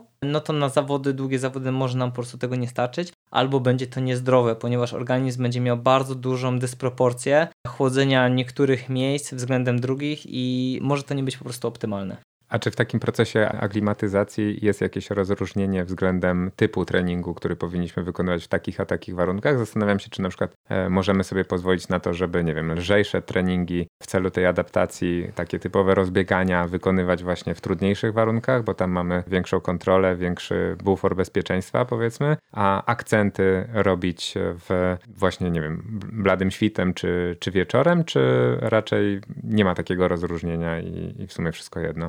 Pytanie na czym nam zależy. Jeśli e, zależy nam bardziej na tym sportowym performensie pod kątem na przykład e, pracujemy nad szybkością albo nad prędkością e, na danym na przykład zakresie, no to wtedy mm, polecałbym trening tempa, czy, czy właśnie akcent e, w warunkach takich, które dodatkowo nas nie będą stresować, tak? Czyli na przykład, nie wiem, e, pracujemy nad tym, żeby utrzymać tempo na przykład 4-0 przez, przez dłuższy czas, jest bardzo ciepło, no to nie wybieramy środka dnia, tylko idziemy na trening pod wieczór albo, albo rano. Jeśli natomiast nie pracujemy nad niczym specyficznym, tylko po prostu mamy zakres, bo tak żeby nie było nudno, ale nie jest to jakaś taka duża specyfika danego e, miesiąca czy tam mezocyklu, to mm, zachęcałbym do, do ekspozycji, jeśli wcześniej na przykład spędziliśmy właśnie w takich temperaturach na przykład 10 minut 15, ok, to możemy to po prostu przedłużyć, ma, e, mając w głowie to, że te prędkości będą niższe. Nie możemy się po prostu tym frustrować, tym bardziej, że pierwszy kilometr albo początek treningu będzie na pewno szybszy. Wysokie temperatury pomagają w dobrej rozgrzewce,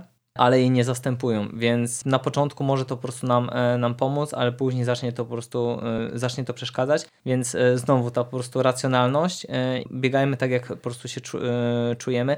Jeszcze tutaj powiedzmy taka dość specyficzna rzecz, że po krzywej bardzo często jest tak, że podczas treningu w cieple po krzywej rośnie tętno. Jest to wcześniej niż jest nasz na przykład próg, powiedzmy nie wiem, załóżmy 4 mmol, kiedy zaczyna rosnąć właśnie po krzywej, to się zaczyna robić wcześniej, przy niższych prędkościach. No jest to po prostu specyfika tego, że organizm stara się jak najmocniej poradzić sobie po prostu z tym, z tym upałem i nie doprowadzić do prze, przegrzania. W ogóle staram się jakby szukać tych wzorców wśród najlepszych.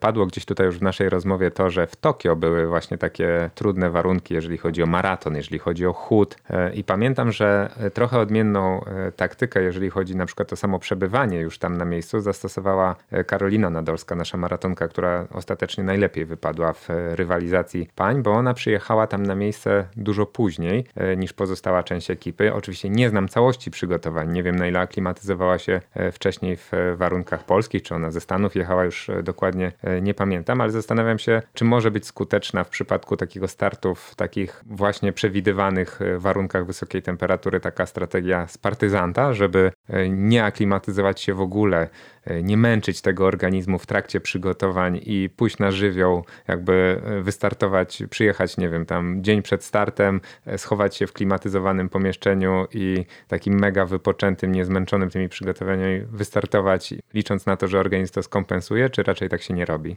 Wydaje mi się, że w wysiłkach e, krótkich e, na pewno, jeśli mamy dostęp do, do tego, co nas będzie chłodzić, tak? Jeśli nam po prostu e, chłodnica i wiatrak będzie wyrabiać, będziemy dość często dostawać płyny czy lód, to wydaje mi się, że w jakiś sposób można to oszukać. Na maratonie gorzej, aczkolwiek te warunki też do biegania na ulicy są sterylne, jeśli powiedzmy te w miarę sterylne, jeśli te punkty są powiedzmy na przykład co 2 km albo co 2,5 km, nie jest, one też nie, nie zapewniają takiego po prostu komfortu, nie da się aż tak mocno schodzić, a jakby zawodniczka musiała się na każdym zatrzymywać chociażby i brać lód, no to jest strata pewnie z dwóch minut na, na całym dystansie.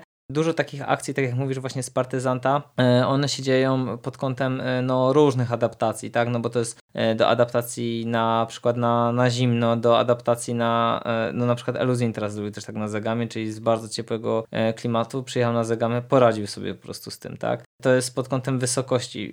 Wysokości to akurat tutaj powiedziałbym, że to jest najbardziej przebadane, czyli właśnie model skandynawski, czyli jakby do końca jesteśmy nisko, przyjeżdżając mieszkamy nisko, i dojeżdżamy tylko na start i jak najszybciej wracamy, w takim e, dużym uproszczeniu, no to jest powiedzmy, jest parę dziesiąt osób, do których można się odnieść. Jeśli mamy takie strzępkowe informacje, to jest to na pewno możliwe, natomiast ja osobiście czegoś takiego bym nie zastosował i nikomu bym czegoś takiego nie polecił, ponieważ no właśnie, mamy tylko jakieś tam informacje i teraz pytanie, czy my możemy, mm, czy mamy na przykład na to czas, bo to już nawet nie chodzi o ryzyko, tylko czy jeśli na przykład, nie wiem, mamy urlop, jedziemy na nasz wymarzony bieg, nie wiem, do Walencji i tak dalej, wszystko sobie organizujemy, to czy mamy po prostu na to czas, czy nie lepiej właśnie wykonać trochę tej pracy na, na miejscu, tym bardziej, że no tak jak mówię, myślę, że to nie są jakieś właśnie tutaj bardzo skomplikowane rzeczy. Myślę, że wiele, wielu z Was może mieć takie wrażenie na zasadzie nic przecież odkrywczego, ok, no to jem sole, wiadomo, bo latem zawsze się tak robi, uzupełniam płyny, stopniowo wykonuję ekspozycję na, na ciepło i koniec, jestem przygotowanym. Dokładnie to tak wygląda. Trzeba to tylko po prostu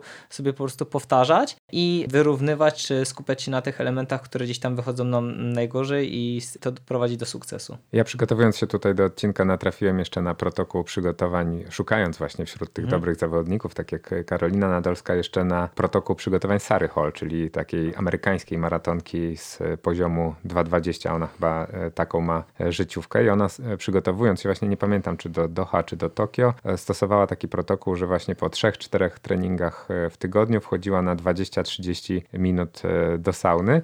I jeszcze co mnie zaskoczyło, dodatkowo piła szejka proteinowego, ale tu akurat nie mam zielonego pojęcia, jaki to mogło mieć związek. Może ty wiesz, znasz jeszcze inne przykłady takich działań wśród właśnie elity? Nie znam tej sytuacji konkretnej pod kątem stosowania białka w, mm, powiedzmy, czy tam takiego, takiego powiedzmy roztworu białkowego po saunie. Spotkałem się z czymś takim, że zawodnicy po treningu wchodzą do sauny. Też e, słyszałem o czymś takim, od czego się odeszło, że wchodzą na ubierani w jakichś powiedzmy bluzach, koszulkach long sleeve, e, czyli żeby jeszcze e, utrudnić e, opróżnienie gruczołów, może nie tyle opróżnienie gruczołów potowych, no ale żeby utru, utrudnić powiedzmy trochę pocenie, żeby coś, jakąś warstwę warstwę mieć na sobie. Z tego raczej się zrezygnowało i teraz trend jest taki, żeby wszystko jak najszybciej odparowało i żeby organizm nauczył się po prostu jak najszybciej z siebie wyrzucać pot, który i tutaj bardziej zwracać uwagę na to, żeby on miał różną konsystencję. Pot też się bardzo, bardzo mocno zmienia pod kątem tego, jeśli, nie wiem, pocimy się pierwszy tydzień w 20 stopniach, a jest to na przykład trzeci tydzień. Ten skład potu jest naprawdę utrzymując to, ten sam wysiłek, dietę, ten, ten skład, e, objętość, e, gęstość, zmienia się po prostu mnóstwo, mnóstwo parametrów. Więc po prostu też będziemy świadomi, że ten organizm nasz e, cały czas się po prostu tego uczy i adoptuje, i co jest właśnie świetne. Będąc w saunie, zazwyczaj e, poleca się produkty takie nieco cięższe do, do picia po, e, czyli takie bardziej hipertoniczne. I być może e, to z tym jest spowodowane, że tutaj ktoś zdecydował się na picie białka, które no, może pomagać w, ter, w termoregulacji, ale też na przykład termoregulacji pomaga i to akurat jest, jest gdzieś, w, znaczy nie jest gdzieś, tylko jest w badaniach, kreatyna pomaga w, te, w termoregulacji monohydrat, e, e, przynajmniej jest, e, są badania na wielu, wielu osobach, które o tym mówią, więc tutaj jeśli chodzi o białko, być może to też w jakiś sposób gdzieś tam jest powiązane, aczkolwiek trudno mi się do tego tematu odnieść. Co ciekawe, kiedy właśnie mm, uzupełniamy węglowodany E, węglowodany po treningu i na przykład jest, trenujemy w warunkach wysokiego e, ciepła, takiego po prostu upału, no to zbyt duża liczba węglowodanów podawana jakby e, nieustannie i wysoki poziom cukru może powodować też zaburzenie filtracji, więc być może podawanie ich nie, nie cały czas, tylko, tylko robienie takiego właśnie bardziej randomowych, czyli raz węglowodany, raz elektrolity, a po, po saunie stwierdzono, że, że białko może być skutecznym, skutecznym rozwiązaniem, aczkolwiek myślę, że ten protokół, że w zasadzie to ta metoda, która tutaj została zastosowana, to myślę, że też jest taka dość jednostkowa i mi trochę kojarzy się z czekoladowym mlekiem, które podnosi wydolność e, i natomiast no to też jest to raczej, raczej jednostkowe, chociaż e, w pewnym momencie to był szał na mleko czekoladowe czy, czy, kakaowe. Nie, na mleko czekoladowe, że po prostu, że podnosi wydolność, zwłaszcza, zwłaszcza w NBA. Więc e, jeśli mielibyśmy po prostu taką sytuację, że ok, to poprawiamy sobie trochę, mam, mamy dostęp do sauny, wykonujemy jakiś wysiłek i później faktycznie przedłużamy ten ok, e, okres ekspozycji na, e, na ciepło, na upał i wchodzimy do sauny. Ja bym jednak e, polecał, żeby po prostu pić e, normalne napoje, czyli lekki izotonik. Być może jeśli komuś to po prostu pasuje, i lepiej się po tym czuje, ma lepszy tutaj powiedzmy obraz, e, obraz moczu, to może nawet e, wejść e, w sok albo w taki rozcieńczony. A jeśli chodzi o białko, no to myślę, że tutaj to może też jest tak, że mm, każdemu przypadnie co, co innego, ale ja bym właśnie przed te metody gdzieś tam takie najbardziej sprawdzone i myślę, że jeszcze tutaj jeśli mówimy o nawodnieniu, no to myślę, że też jakby istotnym do podkreślenia jest to, że raczej w upałach stosujemy roztwory bardziej hipotoniczne niż e, izotoniczne. Dobrze jest e, kupować takie odżywki, których e, osmolarność, nagromadzenie cząsteczek jest jak najbardziej zbliżone do, do naszych komórek, tak żeby po prostu ten przepływ był jak, naj, jak najlepszy. Unikamy po prostu takiego, takiego mocnego, intensywnego smaku, natomiast myślę, że to też się dzieje po prostu naturalnie i każdy z nas woli po prostu taki, e, taki lekki napój, a nie, a nie po prostu taki, taki po prostu kisielowaty w, w lecie, więc widzicie, no to jest po prostu, to też jest jakaś, e, jakaś tutaj racjonalizacja tego, tego wszystkiego i można też stosować mentol. E, mentol e, dodawany właśnie do, do odżywek, e, czy są odżywki izotoniki o smaku mentolu, mogą trochę oszukać nasz, nasz układ pod tym kątem, że odczuj, odczuwamy taki przyjemny chłód, przez co wydłużyć czas, czas wysiłku. No właśnie, mówisz o piciu, a zastanawiam się, bo ta sauna przykładowo ma nam zaimitować warunki, które będą docelowo. E, docelowo, jeżeli startujemy w upale, no to mamy podwyższoną tą potliwość i prawdopodobnie jesteśmy bardziej odwodnieni biegnąc, ile byśmy tam nie próbowali przyjąć e, tych płynów, więc może w takim procesie adaptacji w trakcie treningu niespożywanie picia będzie jakąś e, formą adaptacji do takiego startu, czy to jest głupie? Ciężko mi odpowiedzieć na to pytanie. Bardziej kojarzy mi się z takimi zaburzeniami dietetyczno-fizjologicznymi. Idę na trening, na mocny trening e, niewyspany, idę na trening głodny i o ile jeszcze powiedzmy e, rozumiem, e, bo są badania na temat treningu na niskiej dostępności glikogenu, no to przewlekłe trenowanie, czy chociażby w taki sposób, czy właśnie na niewyspaniu, czy właśnie niepiciu, no moim zdaniem może powodować e, szereg różnych chorób. To absolutnie nie chodzi o to, że e, komuś się nie chce pić e, w trakcie wysiłku, bo pragnienie pojawia się później, kiedy już pewne procesy są zaburzone. Łyk wody, czy właśnie jakiegoś e, izotonika poprawia e, no chociażby tą homeostazę, tak ten, to, to, to słowo klucz, wyrównuje ciśnienie, więc kurczę, no to się często też spotyka chociażby po prostu w takiej higienie życia wydaje mi się, że część osób jest przyzwyczajonych do tego, że po prostu nie piją, bo się im nie chce. Idą po prostu na cały dzień w góry, biorąc ze sobą półlitrową butelkę, butelkę wody. Natomiast to jest skorelowane z chorobami nadciśnienia i też nie chcę tutaj po prostu robić jakiejś właśnie dramaturgii i tak dalej, ale słuchajcie, no kurczę, jeśli racjonalnie coś działa i mamy się po prostu nawadnia, nawadniać i podejmujemy wysiłek, nie mamy się nawadniać siedząc i minimum raz na 4 godziny powinniśmy po prostu coś wypić, żeby, żeby po prostu filtrować te nerki, a my po prostu idziemy na cały dzień w góry, czy na pół dnia, bierzemy pół litra wody, no to jest to w jakiś sposób nieracjonalne, nawet jak wieczorem wypijemy jakąś po prostu większość, większą ilość tych płynów przewlekłe e, odwodnienia, które występują, no to no właśnie w dużym taka dehydracja powoduje właśnie choroby układu krążeniowego, problemy z ciśnieniem, choroby wieńcowe. Może nie jest to tak skorelowane jak e, różnego rodzaju, e, no nie wiem, no inne rzeczy takie, które no bardziej są powiedzmy tak, bardziej jeden do jeden z chorobami wieńcowymi, ale no unikajmy po prostu takich rzeczy znowu, to nie jest tak, że ja tak mam, wszyscy muszą pić, ale, ale ja nie muszę. E, no po prostu e, ta higiena zaczyna się od tego, że właśnie podejmujemy ten wysiłek i mamy po prostu, mamy taki właśnie backup w postaci właśnie wody. Partnerem odcinka jest Fundacja Krok do Natury, organizator legendarnego ultramaratonu Chudy Wawrzyniec. Chudy to jeden z najstarszych górskich biegów ultra w Polsce. Odbywa się w Beskidzie Żywieckim, zawsze w sierpniu. W edycji 2023 zaplanowano dwa dystanse 50 i 80 km i co ciekawe, wyboru trasy dokonuje się dopiero w trakcie biegu po 40 km.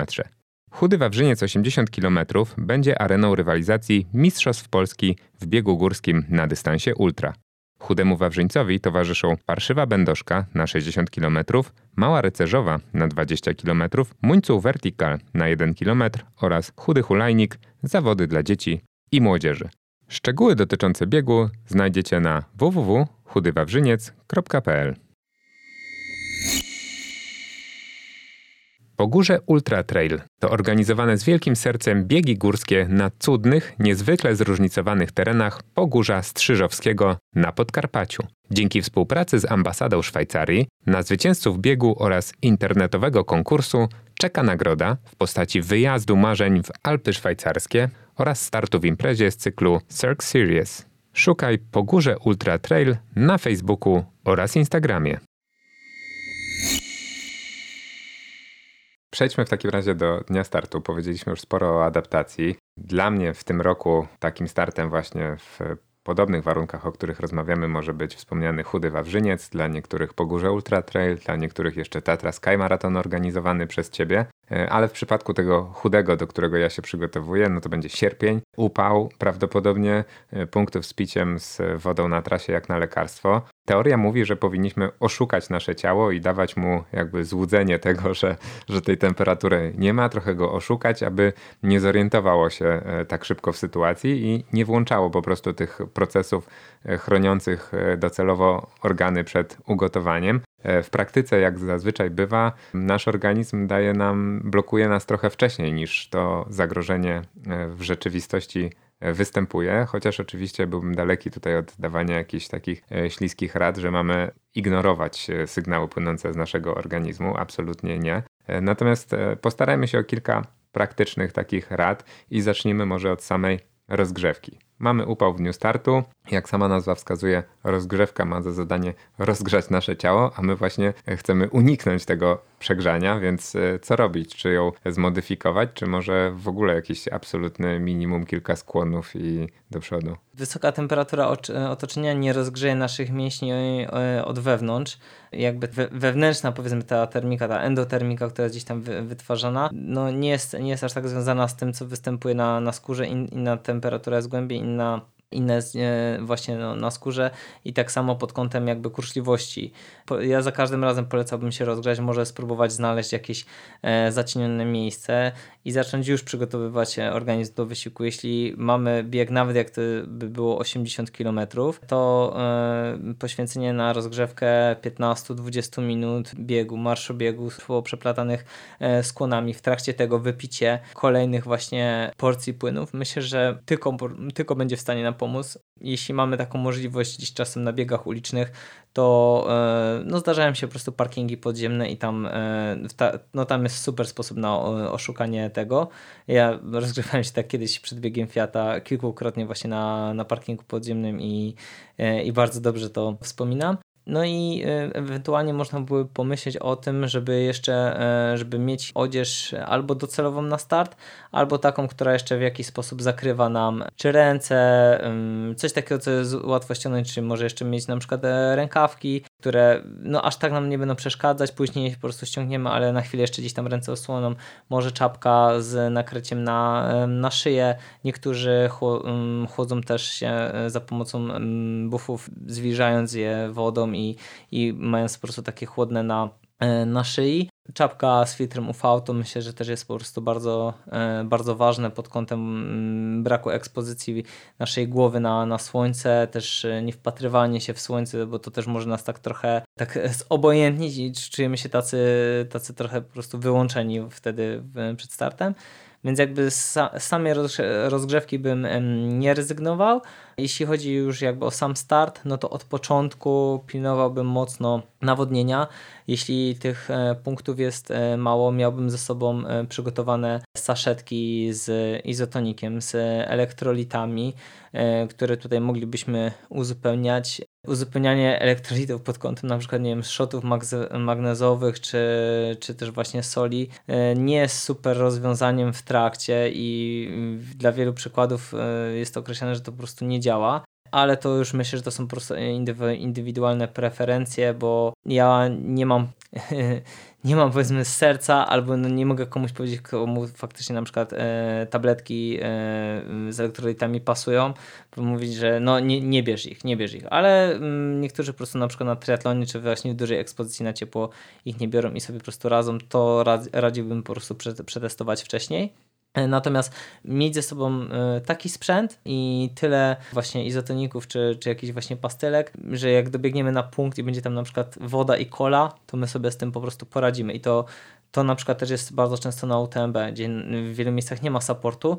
Jesteśmy skazani na wodę i kole i osoby, które zazwyczaj funkcjonują na izotoniku, to w takich warunkach e, nie poradzą sobie, nie ma szans. Po prostu zagotują się i sam jestem tego przykładem i znam sporo osób, które no zdarzyło się właśnie podczas, e, podczas UTMB, było zaskoczonych tym, że nie ma izotonika i, i mocno, mocno musiało po prostu to przecierpieć. Stosujesz jakiś taki sztywny protokół, jeżeli chodzi o nawodnienie, czy robisz to intuicyjnie? Bo Wyobraźmy sobie, że mamy taki bieg, gdzie mamy e, warunki idealne, czyli możemy mieć dostęp do tych e, izotoników czy do wody wtedy, kiedy chcemy. To jaki protokół e, przed i, i w trakcie? Czy totalna intuicja w Twoim przypadku?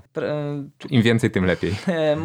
Nie, oczywiście nie, nie, im, więcej, nie im więcej, tym lepiej, ale już w ogóle rano przed śniadaniem wypicie izotonika czy takiego hipotonika 500 ml to już jest super sprawa, bo raz, że nawodnienie nawodnienie 2 już łapiemy e, węglowodany, to y, o tym mówił Kilian Jornet i y, tak na dobrą sprawę od niego to po prostu podpatrzyłem. Uważam, że to jest jakby y, super sprawa y, nie tylko pod kątem startów w wysokich temperaturach, trzymanie płynów na, e, na rozgrzewce, natomiast też nie takie hipernawadnianie się, bo jeśli my po prostu ścikamy w ciągu 10 minut 7 razy i ten mocz jest, przypomina po prostu wodę, no to też w jakiś sposób my tego nie, nie wiążemy i tutaj to też jest ciekawe, że zawodnicy z większym VO2 max i z większą masą mięśniową są w stanie więcej wody związać w organizmie. To oczywiście też jest związa związanych z budulcem, ale procentowo procentowo osoby wytrenowane wiążą, e, wiążą więcej wody. Carboloading też wiąże, no bo tak na, e, jeden, e, na jedną cząsteczkę węglowodanów przypadają cztery cząsteczki wody, więc tutaj też w jakiś, w jakiś sposób to jest związane. Nie zawsze ta, ta woda jest do wykorzystania w organizmie, ale jest to pewne, pewnego rodzaju backup, który może się przydać chociażby na przykład jak stosujemy mm, żele czy odżywki kofeinowe w trakcie zawodów. Ja bym totalnie odradzał, jeśli są upały, żeby stosować kofeinę. Zrezygnowałbym z kawy przed startem, ponieważ e, no, kofeina tutaj mocno wpływa. Może nie, że mocno, ale jakby wiecie, jak już mamy e, którąś godzinę w wysiłku, to odwodnienie się naprawdę, utrata 100-200 ml, ona będzie następować bardzo szybko, więc po co mieć kolejną rzecz, która nam będzie po prostu ściągała wodę, czy, czy z jelis, czy z wątroby, no po prostu trochę, e, trochę bez sensu. No też darujmy sobie po prostu jakieś witaminki albo nie wiem, witaminę D, e, jak, jest, e, jak jest ciepło, jak jest ekspozycja na słońce, no bo to wszystko będzie gdzieś tam nas e, dodatkowo obciążać. Tak jak właśnie mówiłem, gdzieś tam e, taki e, racjonalizm i myślę, że też mając na przykład e, saszetki z, no właśnie z elektrolit, elektrolitami czy z izotonikiem, mając ze sobą zapas, no to zupełnie mamy inny komfort biegnięcia, bo my się skupiamy wtedy na kroku, na technice, na pokonywaniu dystansu, a nie na tym trybie takim survivalowym na zasadzie Jezu, żeby tylko dotrzeć po prostu do, e, do następnego punktu. W ramach przygotowań tutaj, oczywiście z tych e, praktyk, które tutaj wymieniamy, no bardzo powszechne na pewno każdy, kto oglądał właśnie wspomniane chociażby Tokio, e, widział, że tam zawodnicy zużywali po prostu tony lodu, żeby chłodzić się w celu oszukania właśnie organizmu, schłodzenia karku, głowy tych newralgicznych punktów i przygotowując się tutaj natknąłem się na taki chyba najbardziej zaskakujący dla mnie, zaskakującą informację, że newralgicznym punktem, jeżeli chodzi o chłodzenie tych, tym lodem, oprócz tego co powiedziałem są pośladki. Słyszałeś coś o tym? E, myślę, że jest to związane z, dużym, e, z dużą grupą mięśniową. E, jest to też pewnie takie dość powierzchowne. Ja nigdy nie, nie stosowałem. Myślę, że to też wynika, jak, jak się ogrzewamy. Ogrzewamy zazwyczaj tłów. I ze schładzaniem, jeśli chodzi na przykład o pakiety cieplne, i ze schładzaniem jest po prostu bardzo podobnie. Receptory takie, które dodatkowo organizmowi pomagają wypracowaniu czy to drgawek, czy, czy zwiększenia e, intensywności pocenia się. One się znajdują w okolicach szyi, w okolicach jabłka Adama i trochę powyżej oczu tak plus minus oczywiście e, i nie u wszystkich są powiedzmy tak e, gdzieś tam... Nie wszyscy mają jabłko Adama. Tak, tak. Właśnie. E, nie u wszystkich są też po prostu tak wrażliwe, ale dobrze byłoby, żeby te miejsca, a zwłaszcza to w okolicach oczu było gdzieś tam odsłonięte. Przynajmniej zawsze gdzieś, czy w to przy na szkoleniach, to, to gdzieś tam po prostu zwracali na to uwagę. I jeśli chodzi o chłodzenie, to przede wszystkim, bo tak, zawodnicy w Tokio przede wszystkim pili. I, i maratończycy też e, od, myślę, że od iluś lat przede wszystkim zaczęli więcej pić w trakcie zawodów, więcej przyjmować żeli, kalorii, no przecież wcześniej tego nie było, tak jak, e, no nie wiem, tak jak z butami, tak? Ta waga zeszła do, nie wiem, 160 gram, następnie zaczęła się zwiększać, no teraz e, przecież buty ważą po 250, po 280 gram, bo jakby ta waga jest drugorzędna pod kątem jakby tam sprężystości innych, innych atutów. I myślę, że tutaj jest podobnie pod kątem no właśnie wody czy, e, czy kalorii, że też maraton był biegany na nie wiem, na 200-500 ml, no ale okazało się, że może być efektywniej, jeśli to zdecydowanie zwiększymy. Więc e, zawodnicy w Tokio przede wszystkim pili e, te, te napoje, myślę, że tak umiarkowanie schłodzone, żeby też nie wywoływać jakiegoś wielkiego szoku. Czasem to może powodować e, wymioty, czasem problemy z oddychaniem, zablokowanie przepony, jeśli wypijemy taki, taki ice cold, ice cold drink albo taki właśnie shot a to, to uzupełnienie o lód, e, takie gdzieś tam najbardziej spektakularne, bo, bo widzimy to i jest to po prostu jakaś nowość, no to, e, no to na pewno jest po prostu ciekawe, tylko zakładam, że większość właśnie z tych osób to w większości zastosowało się do tego, o czym właśnie mówiliśmy, czyli powiedzmy zrobili ten basic, zrobili te fundamenty i ten lód jest powiedzmy faktycznie na sam koniec i, i wtedy to po prostu mm, wtedy to ma sens, wtedy to zamyka się w taką spójną całość. Zastanawialiśmy się przed rozmową, czy temat adaptacji do ciepła nie będzie za mały, jeżeli chodzi o cały odcinek podcastu. Gadamy półtorej godziny, a tu jeszcze y, jeden ważny wątek przed nami, mm, czyli podejście mentalne i taki aspekt, który y, też jest szalenie istotny, ale zanim do niego, jeszcze ostatnie pytanie, jeżeli chodzi o takie technikalia, o strategię biegu. Czy da się w ogóle jakoś y, skalkulować tempo? No bo wiadomo, że ono musi, to będzie to wymuszone, ono musi być mniejsze w e, takich ekstremalnych warunkach. Dodatkowy stresor, tutaj obciążenie dla naszego organizmu. I zastanawiam się, czy jest jakiś, nie wiem, wzór, jakiś patent, który mógłbyś e, sprzedać, na co w ogóle patrzeć, czy bardziej właśnie e, sugerować się tętnem, czy tempem, czy może samopoczuciem? Masz jakąś radę dla osób, które nie wiedzą jak to ugryźć, na przykład dla mnie? Nie, e, nie analizowałbym tego pod tym kątem na zasadzie właśnie takiego wypracowanego wzoru, czyli aha, jeśli mój czas, na przykład, nie wiem, zegarek przewiduje mi, że półmaraton biegnę, załóżmy, w godzinę 20 czy w godzinę 30, to jak będzie plus 5 stopni, to będzie tyle, a jak będzie minus 5, to będzie tyle. Myślę, że jakby kluczowym elementem to jest obserwacja takiego aktualnego poziomu zmęczenia i próba wychwycenia jak największej ilości informacji, tak z wewnątrz, e, z wewnątrz organizmu odnośnie stanu mięśni, e, mięśni, e, no, zwłaszcza mięśni nóg, tłowia, oddechu i żeby te informacje nam przede wszystkim przepływały przez, przez mózg, zastanowienie się chwilę nad tym, i kontrolne spojrzenie na zegarek.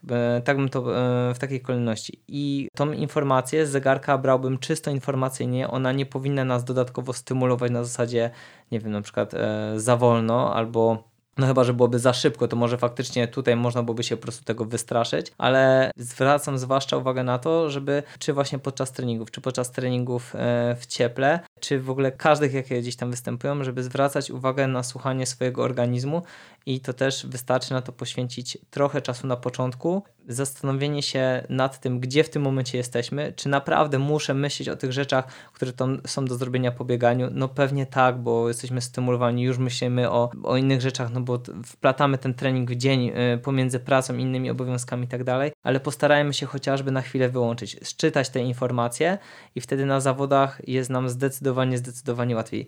Y, będziemy trafiać na różne warunki, będą kolejne zawody i znowu będziemy zaskoczeni, dlaczego ktoś właśnie z większym doświadczeniem, wcale nie, wcale nie jakiś prost, tylko po prostu nasz, nie wiem, znajomy, który biega gdzieś tam, nie wiem, kilka lat więcej, dlaczego on na przykład znowu sobie, czy uda, umiał sobie poradzić gdzieś tam w takich specyficznych warunkach. To doświadczenie to często e, jest właśnie takie czytanie i słuchanie swojego organizmu, ale nie tyle, że, on, e, że my faktycznie usłyszymy powiedzmy właśnie ten głos na zasadzie poczujemy nagle jak e, palą nas czwórki, tylko e, no, szukajmy po prostu tej informacji.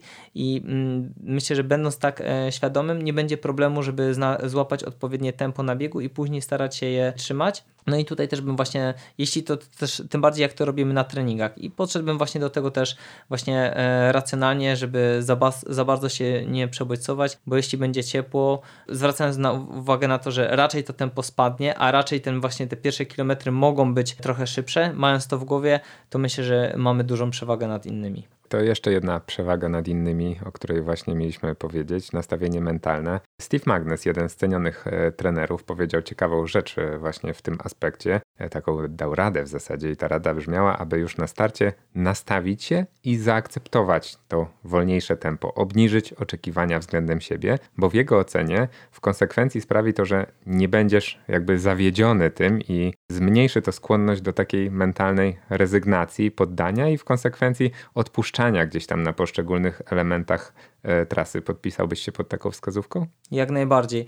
E, moim zdaniem jest to e, świetne stwierdzenie i bardzo uniwersalne do różnych, różnych biegów. Jeśli chodzi o biegi górskie, biegi, nie wiem, skyrunningowe, no to rzadko kiedy mamy możliwość tą trasę pokonać parę razy albo by, by być na tych zawodach wcześniej. Często się też zmieniają warunki, więc nie możemy za bardzo zwracać uwagę na czas. Tutaj pamiętam też kiedyś a propos właśnie odstawiania tej technologii, pamiętam jak w Dolomitach e, Stian nie mógł e, włączyć GPS-a w zegarku, więc go w ogóle zostawił, bo powiedział, jak nie działa mi GPS, e, nie mam traka, to ten zegarek w ogóle nie jest mi potrzebny.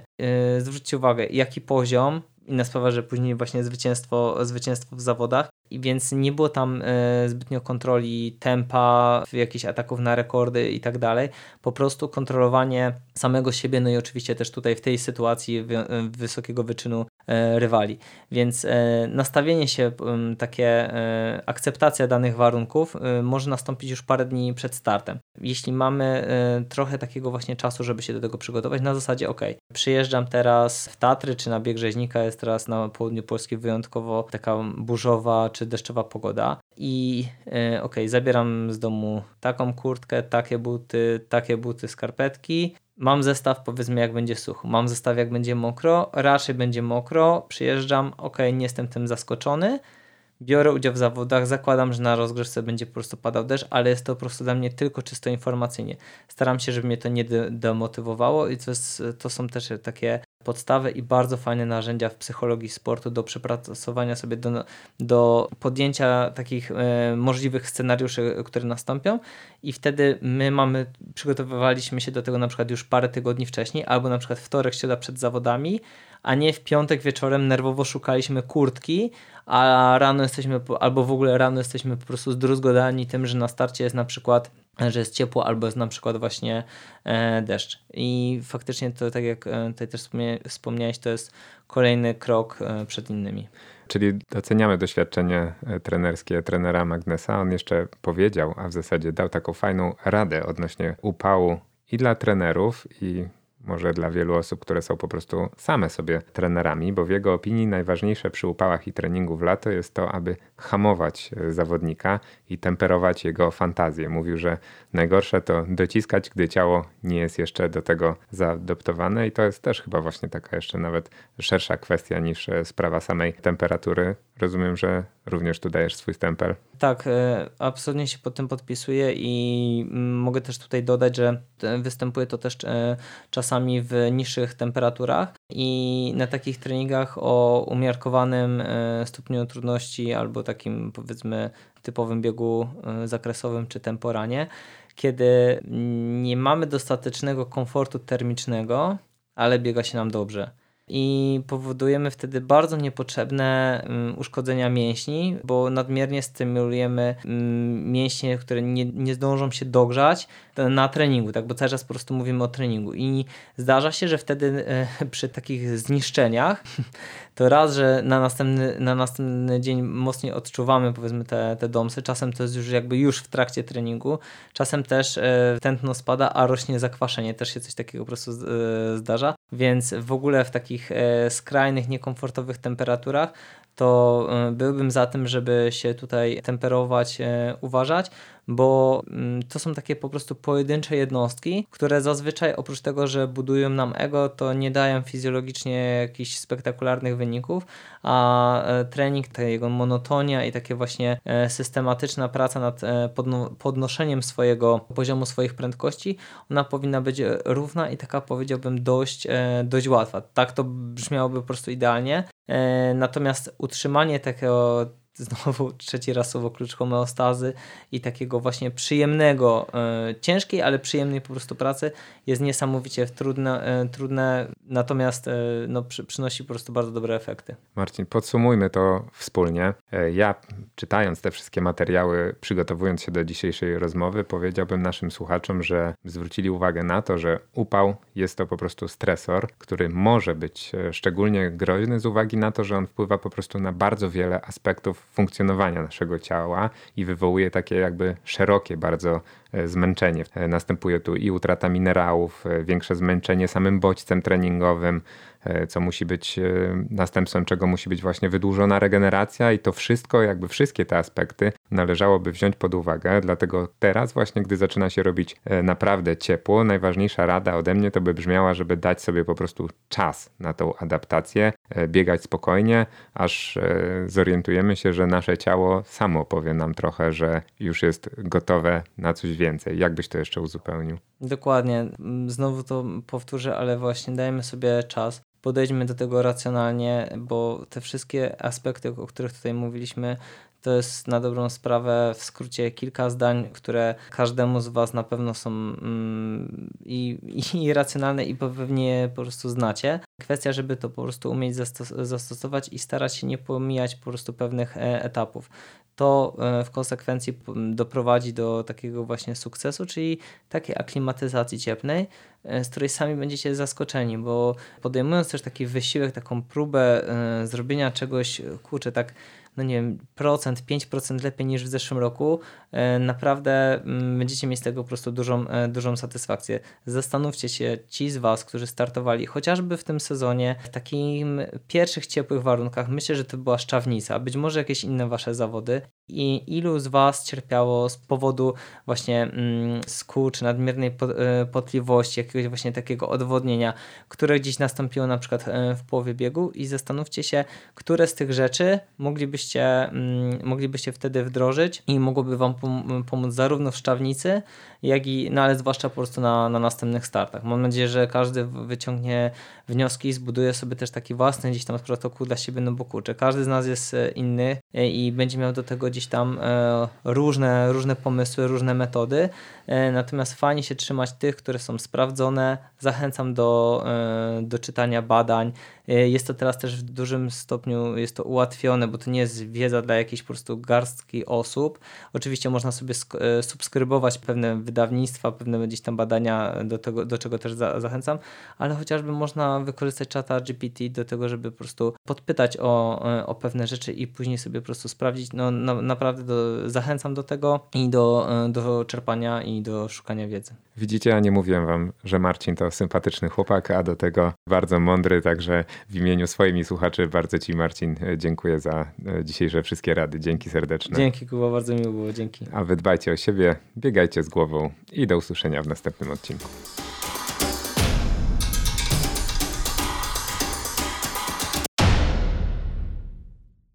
Każdy zapisany i opłacony uczestnik po górze Ultra Trail to dodatkowe 10 zł do zbiórki na rzecz Arturka Jemioły, bardzo rezolutnego i rozgadanego czterolatka, chorego na białaczkę. Arturek, pieszczotliwie nazywany przez personel kliniki onkohematologii w Rzeszowie kierownikiem, wykorzysta Wasze wsparcie na leczenie i rehabilitację. Więcej informacji oraz indywidualne wsparcie możecie przekazać Fundacji UROC. Szczegóły na urock.com.pl